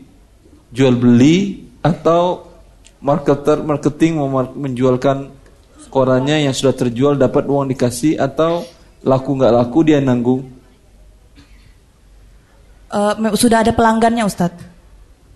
Sudah ada pelanggan tetap Antara agen antara agen. tadi dengan penerbit koran tadi akadnya apa? Jual beli laku nggak laku harus bayar atau dia ngambil umpamanya sehari 100 itu harganya umpamanya 10 juta laku nggak laku harus dibayar atau tidak yang laku dibayar uangnya yang tidak laku dikembalikan dan dia dapat untung Eh, ini boleh sudah pasti, bawa dulu sudah pasti laku karena pelanggan tetap. Jadi sudah setoran yang eh, berpola begitu Ustadz. Setoran rutin. pertanyaan saya belum terjawab Akadnya saya nggak tahu bentuknya apa Ustadz. Di, pasti ada akad tertulis antara agen dengan pihak penerbit. Ah, Dia atau tidak? Oh, Coba lihat apa tertulis di situ. Apakah dia harus membayar ketika terjadi sesuatu atau tidak? ya itu yang mengetahui sepertinya almarhum eh ah, maaf rohim eh, ayah kam ayah rohimahullah. Nah, masya Allah. ya rahimahullah. Ya, belum bisa saya jelaskan ibu tergantung akadnya. Kalau akadnya tadi adalah akad wakalah, nggak ada masalah. Jadi supaya halal akadnya boleh diberitahu kami Ustadz kalau ada akad itu Kalau memang jual beli bukan nalangin dari si pembeli-pembeli ini. Anda beli di awal. Beli di awal, uang di awal. Ya, nanti mereka cetak, mereka jual ke Anda dengan harga jauh di bawah harga pasar. Kemudian Anda keuntungannya ketika waktunya jual kepada mereka. Jadi bukan bukan fee atau potongan tapi memang Anda jual beli dengan dia. Paham? Hmm, kurang paham Ustaz. Taib. Ya, Ya. tadi kan Bapak kurang paham di cut oleh Ibu. Ya. Ya, yang lain. Ya. Tadi masih orang yang sama atau beda sih? Assalamualaikum warahmatullahi wabarakatuh. Ustadz, saya mau bertanya, bagaimanakah hukumnya bagi mediator yang mendapat komisi dari jual beli properti yang akadnya melalui bank konvensional? Halal atau haramkah Ustadz? Sukron. Ini sering saya jelaskan. Masya Allah. Siapa yang bisa jawab amplop terakhir? Ibu bapak. Antum udah dapat tadi belum? Jawab aja. Amplopnya untuk saya. Silahkan. Masya Allah. Haram Ustaz. Karena dia menjadi saksi dari transaksi akad riba antara si penjual dengan pembeli. Bagaimana agar jadi boleh? Agar jadi boleh Ustaz ya. Ah, Iya. Mungkin ah, agar jadi boleh eh, si mediator tersebut menyarankan untuk eh, beli langsung ke si developer dan dicicil. Developer nggak mau. Nah, berarti dialihkan ke bank syariah, tetapi dengan akad syariah. Bagaimana Eh, tidak ada denda keterlambatan, eh, apa dalam bentuk apa pun juga ditentukan cicilannya di awal dan serah terima langsung eh, si, del- si de- developer menjual dulu kepada si bank, baru bank menjualkan ke si pihak si pembeli tersebut. Jadi akadnya adalah si pembeli Kalau dia tidak mau pakai bank syariah. harus mau Ustaz. Iya, bagus. Yang terakhir, yang terakhir. Kalau tanpa bank syariah, bagaimana solusinya? Atau he? Antum sudah dap sudah dapat? Belum. Cicil gimana? Dia nggak dia nggak mau pakai bank syariah, dia mau punya bank konven. Silahkan. Kalau eh, Rizky sebagai agen sebagai, untuk sebagai halal, cukup dia menghubungkan antara penjual pembeli. Setelah itu transaksinya tutup mata. Ah, Masya Jadi Allah. dia biarkan dia. Jadi dia tidak terlepas dia hanya tugasnya men- men- menemukan penjual pembeli aja. Masya Allah. Urusan akad kredit ataupun urusan dia. Dia nggak akan bantu sesuatu. Dia nggak bantu. Masya Allah, betul begitu caranya. Mohon maaf kalau tidak keberatan atau boleh dihibahkan ke cucu, boleh ke anak, boleh bapak, siapa aja boleh. Masya Allah.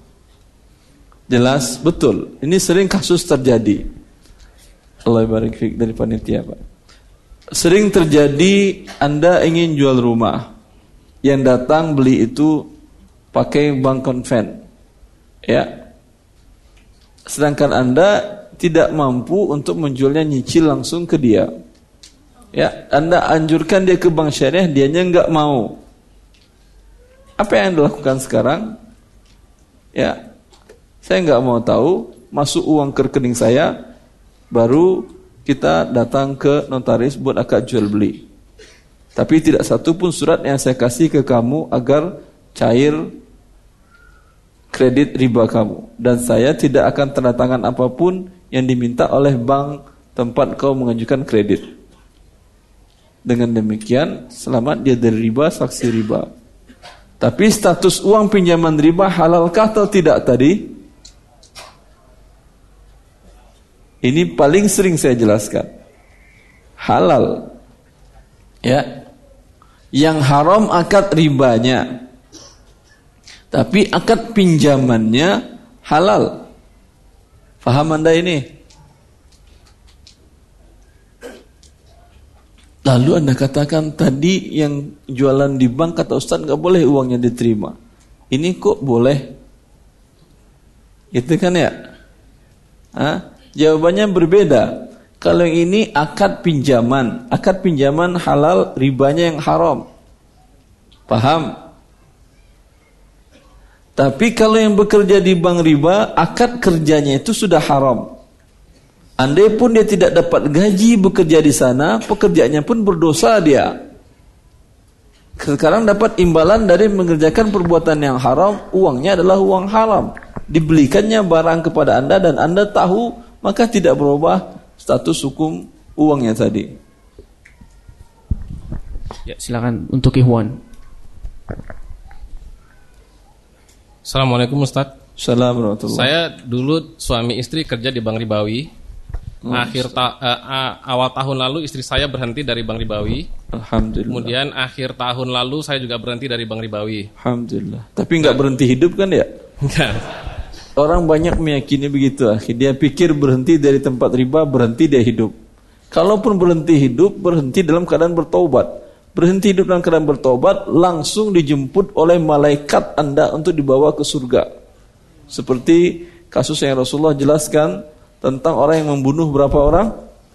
100 orang. Dijemput oleh malaikat rahmat, ribut antara malaikat. Malaikat kelahi. Mau dibawa ke mana dia? Maka Allah lipatkan bumi berubah koordinat bumi karena cintanya Allah kepada orang yang bertobat ini. Nah, eh, waktu di awal istri saya berhenti dari Bank Ribawi, alasannya bukan karena riba, karena memang waktu itu kita belum tahu. Jadi waktu di akhir tahun, waktu kita di pertengahan tahun kita baru saya berhenti dari Ribawi. Pertanyaannya adalah, Iya, Bapak. istri saya dapat BPJ, BPJS ya. Iya. Nah, uang itu kita daftarkan untuk ONH. ONH-nya eh, hajinya masih 10 tahun yang lalu. Pertanyaan saya, BPJS ketenagakerjaan Betul. berarti. Nah, pertanyaan saya adalah uang ONH yang sudah saya setorkan itu halal apa haram ya, Ustaz? Taib. Dari seluruh uang yang didapatkan dari bekerja di bank riba tadi, yang halal hanya kebutuhan pokok minimal setahun ke depan. Sisanya berikan kepada fakir miskin. Hitung mau BPJS kerjaan, mau pesangon, mau apa pun semuanya, aset rumah, kendaraan, semuanya dihitung. Ya, kalau rumah ada dua, Anda bisa hidup dengan satu rumah, yang satunya lagi tidak halal ini. Berikan kepada fakir miskin. Ada kerabatnya adik fakir miskin, berikan ke dia. Ambil rumah ini olehmu. Ya. Kalau kemudian Anda ada Anda dan istri punya simpanan tabungan, yang halal adalah pre- prediksikan, perkirakan kebutuhan Anda dan istri dan anak-anak dan yang orang tanggung Anda ke tahun ke depan berapa? Umpamanya sekitar 50 juta. Sedangkan pesangon Anda dan istri semuanya sekitar 500 juta. 50 ditahan, 450 bagi-bagikan kepada fakir miskin. Jadi yang ONH kemarin nggak halal ya, Ustaz ya? Tidak halal, tapi sudah terbayar. Sudah dibayar, belum lunas memang. Masih baru ini. Eh, kalau bisa dipindah namakan, Eh, sebetulnya sih kita kan karena ngambil antrean agak lama. Kalau eh, saya takutnya kan eh, kuotanya apa namanya antreannya tambah lama lagi jauh. Dita, enggak maksud saya dipindah namakan ke orang lain, dia yang ngambil, dia yang bayar kalau bisa. Kemudian uangnya tadi berikan kepada fakir miskin. Kalau tidak, dikan bisa ditarik uangnya. Eh, ditarik uangnya mungkin bisa, cuman kan saya harus mengantri 10 tahun. Mas saya bi- bisa nggak misalnya? Tidak wajib ya ijma para ulama dinukil oleh Imam Nawawi sebelumnya beliau nukil dari eh, Imam Syafi'i dalam risalahnya.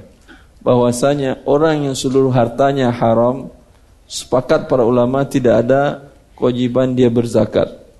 Tidak ada kewajiban haji tidak ada kewajiban umroh tidak ada kewajiban menafkahi anak istri. Karena Allah mengatakan Rasulullah mengatakan la yaqbalullah sadaqatan min ghulul Allah tidak terima zak, sedekah zakat dari harta yang haram. Ini tadi kan harta haram. Sedekah tidak diterima. Bila bahkan Ibnu Abbas mengatakan solat orang yang makan harta haram tidak diterima. Ya. Kemudian digunakan untuk melakukan ibadah haji diriwayatkan oleh Imam Ahmad dalam musnadnya disahkan oleh Syekh Nasim Bas rahimahullah bahwasanya bila seseorang berangkat dengan menggunakan harta yang haram ketika kakinya menginjakkan di atas kendaraan dan dia mengucapkan labbaik Allahumma labbaik labbaik la syarika laka labbaik innal hamda wan ni'mata laka wal mulk la syarika lak Dia mengatakan, "Ya Allah, aku sambut panggilanmu untuk mendatangi rumahmu untuk melakukan ibadah haji ya Allah." Kata Rasulullah SAW, "Fayunadi munadim minas sama." Di saat dia mengatakan itu, malaikat menyambut perkataannya dari langit diutus oleh Allah, "La labbaika wa la sa'daik." Tidak diterima kedatanganmu dan kau tidak mendapatkan kebahagiaan. Fa inna malaka haram wa zadaka haram wa hajjuka ma'zurin ghairu mabrur. Karena hartamu yang haram, biaya berangkatmu biaya yang haram, hajimu tertolak tidak diterima. Jelas? Uh, Alhamdulillah saya bulan ini sudah dapat pekerjaan. Kalau misalnya gaji itu saya tutup ah, untuk boleh. bayar haji yang Betul. sisanya itu Betul. saya keluarkan boleh Ustaz ya. Betul. Berapa tadi sudah terbayar? Terbayar namanya 20. Dapat gaji Anda yang halal 20 ini niatkan pengganti 20 daftar haji tadi ini diberikan kepada fakir miskin. Jadi kalau misalnya saya mencicil di tiga bulan karena kan untuk satu bulan gaji mungkin nggak cukupnya tiga bulan di, dikeluarkan boleh. Boleh, tapi jangan mati dulu sebelum selesai. Nah, Dan sampaikan ke ahli waris, kalau sekadar Allah Bapak Ibu kalian dipanggil, Bapak ada utang riba itu. nah terus saya juga kan kemarin resign dapat BPJS itu saya biarkan saja di BPJS. Ambil seperti yang tadi lakukan. Ya, ambil minimalnya minimal kebutuhan Anda anak dan istri, potong sisanya berikan kepada fakir miskin yang walaupun lain. saya sudah bekerja. Walaupun saya sudah Kalau ada sudah bekerja, ambil berikan 100% kepada fakir miskin. Kalau bekerjanya di tempat yang halal tadi, sebesar uang yang dibayarkan dari perusahaan dan dipotong dari gaji itu halal. Hanya pertambahan bunganya saja yang haram. Tetapi ini karena bekerja di tempat yang haram, maka 100%-nya haram. Jelas apa? Menyerahkan ke fakir miskinnya tahu Bapak? Bisa dibantu dijelasin kalau misalnya ke, ke Saya keluar- bantu. Enggak, Anda sendiri yang cari fakir miskinnya, tapi cara menentukan orang yang fakir miskin begini. Lihat, tanya umpamanya ada kerabat, ada tetangga, ada teman dekat yang menurut Anda agak susah hidupnya. Tapi tanyakan. Ya, mohon maaf saya bertanya mungkin agak privasi, privat atau khusus pribadi Anda, tapi tolong jawab karena ada saya kepentingan. Mengenai dunia akhirat saya.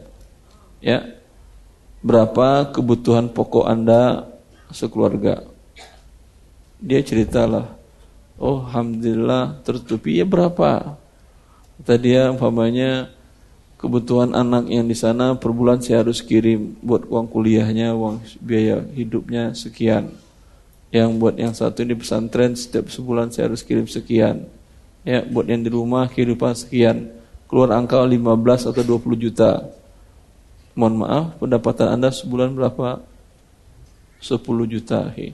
Yang 10 lagi, 10 itu kadang kalian tutup lubang, tutup lubang, tutup lubang, kadang gali-gali nggak tutup nutup. Ya, sekali tagih-tagih orang. Ya. Kasih dia kekurangannya berarti 10 kan ya. 10 dikali setahun, 120 juta. Bilang ke dia, ambil 120 juta. Tentu kaget dia. Bercanda kamu katanya kan ya. 120 juta kan pasti bercanda kan segini segepok 120 juta enggak nak katakanlah saya mohon maaf saya dapatkan ini secara hukum positif halal uang ini tapi Allah tidak menghalalkannya artinya kan takut nanti korupsi kan kalau korupsi dia takut kan ya tapi enggak secara hukum positif insya Allah saya anda kan tidak dikejar polisi tapi di, saya dikejar oleh Allah tapi untuk anda halal kata Ustadz karena uang riba tadi halal untuk fakir miskin dan untuk kemaslahatan umum. Kasih dia 150 juta. Sungkan juga dan nerima nggak enak kebanyakan takut nanti dirampok dia juga. Ya udah, Anda yang bayarkan sekolah anaknya tadi. Minta nomor alamatnya, rekening banknya, setorkan atas nama anaknya. Jelas? Jelas, Ustaz. Allah barik fikum. Itu menentukan cara miskin. Bukan sekedar Anda kemudian taruh 100 ribu, 200 ribu dalam amplop bagi-bagikan seperti tadi, tidak. Tadi ini bukan bukan harta haram kan ya? Kalau taharum bukan begitu cara bagiannya. Ya, dilihat butuh miskin atau tidak. Tadi hadiah. Bisa untuk yang miskin, bisa juga yang kaya kan tadi kan ya. Buat ustaz tadi juga boleh kan ya. Ah, Masya Allah. Ya. Cukup, Ahi. Cukup katanya Hakim Afwan. Silakan, silakan cepat-cepat. Bismillah. Assalamualaikum warahmatullahi wabarakatuh. Assalamualaikum warahmatullahi wabarakatuh. Ustaz, saya ingin bertanya tentang akad jual beli. Saya memesan pakaian misalnya sirwal satu karung. Saya Ya. bayar satu juta. Eh, dengan catatan agennya ini adalah teman saya. Dengan catatan dengan teman Anda terus Eh, saya bilang ke agennya, eh, saya bayar satu juta. Kamu pilih saja sirwal yang bagus, terserah kamu. Tapi satu karung tadi. Iya, jadi dia yang mengisi sendiri. Jadi Hah? saya satu satu juta saya beli ke agennya. dengan jumlah satu karung. Satu karung. Satu karung itu berapa pieces? Eh, jadi saya memberikan syarat satu juta itu terserah kamu. eh kamu hitung saja berapa satu juta itu dapat pakaiannya gitu, Ustaz.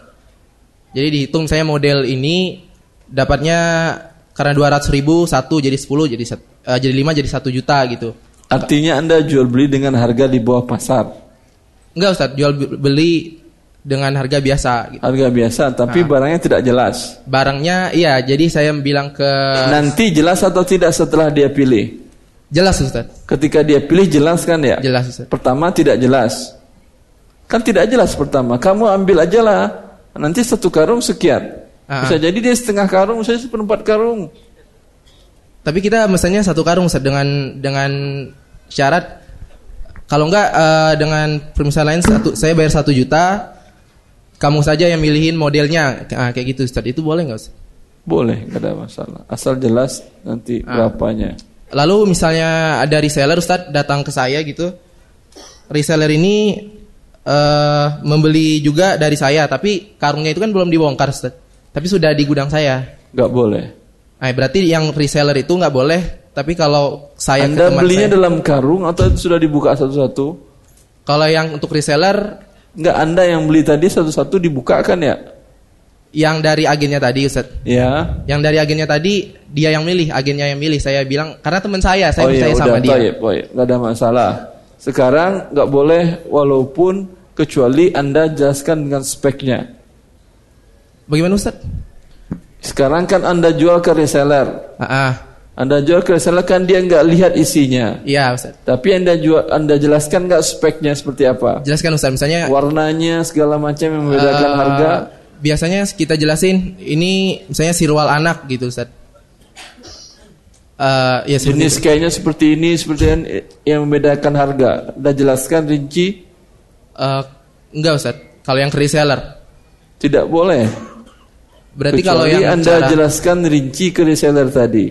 Ini sirwal anak jenis kainnya ini. Ah. Ya, warnanya bermacam-macam. Itu boleh. Cukup Berarti ya. kalau misalnya yang cara lainnya itu yang ke, ke agennya yang tadi teman saya itu boleh Ustaz ya. Kalau yang ke reseller itu nggak boleh. Karena nggak jelas Ustaz. Iya. Jazakallahu khair. Jazakallahu barik fiik. Assalamualaikum warahmatullahi wabarakatuh. Afwan akhi ter- terhalangi orang lain. Cukup dulu. Subhanakallah bihamdika asyhadu an la ilaha illa anta. Assalamualaikum warahmatullahi wabarakatuh.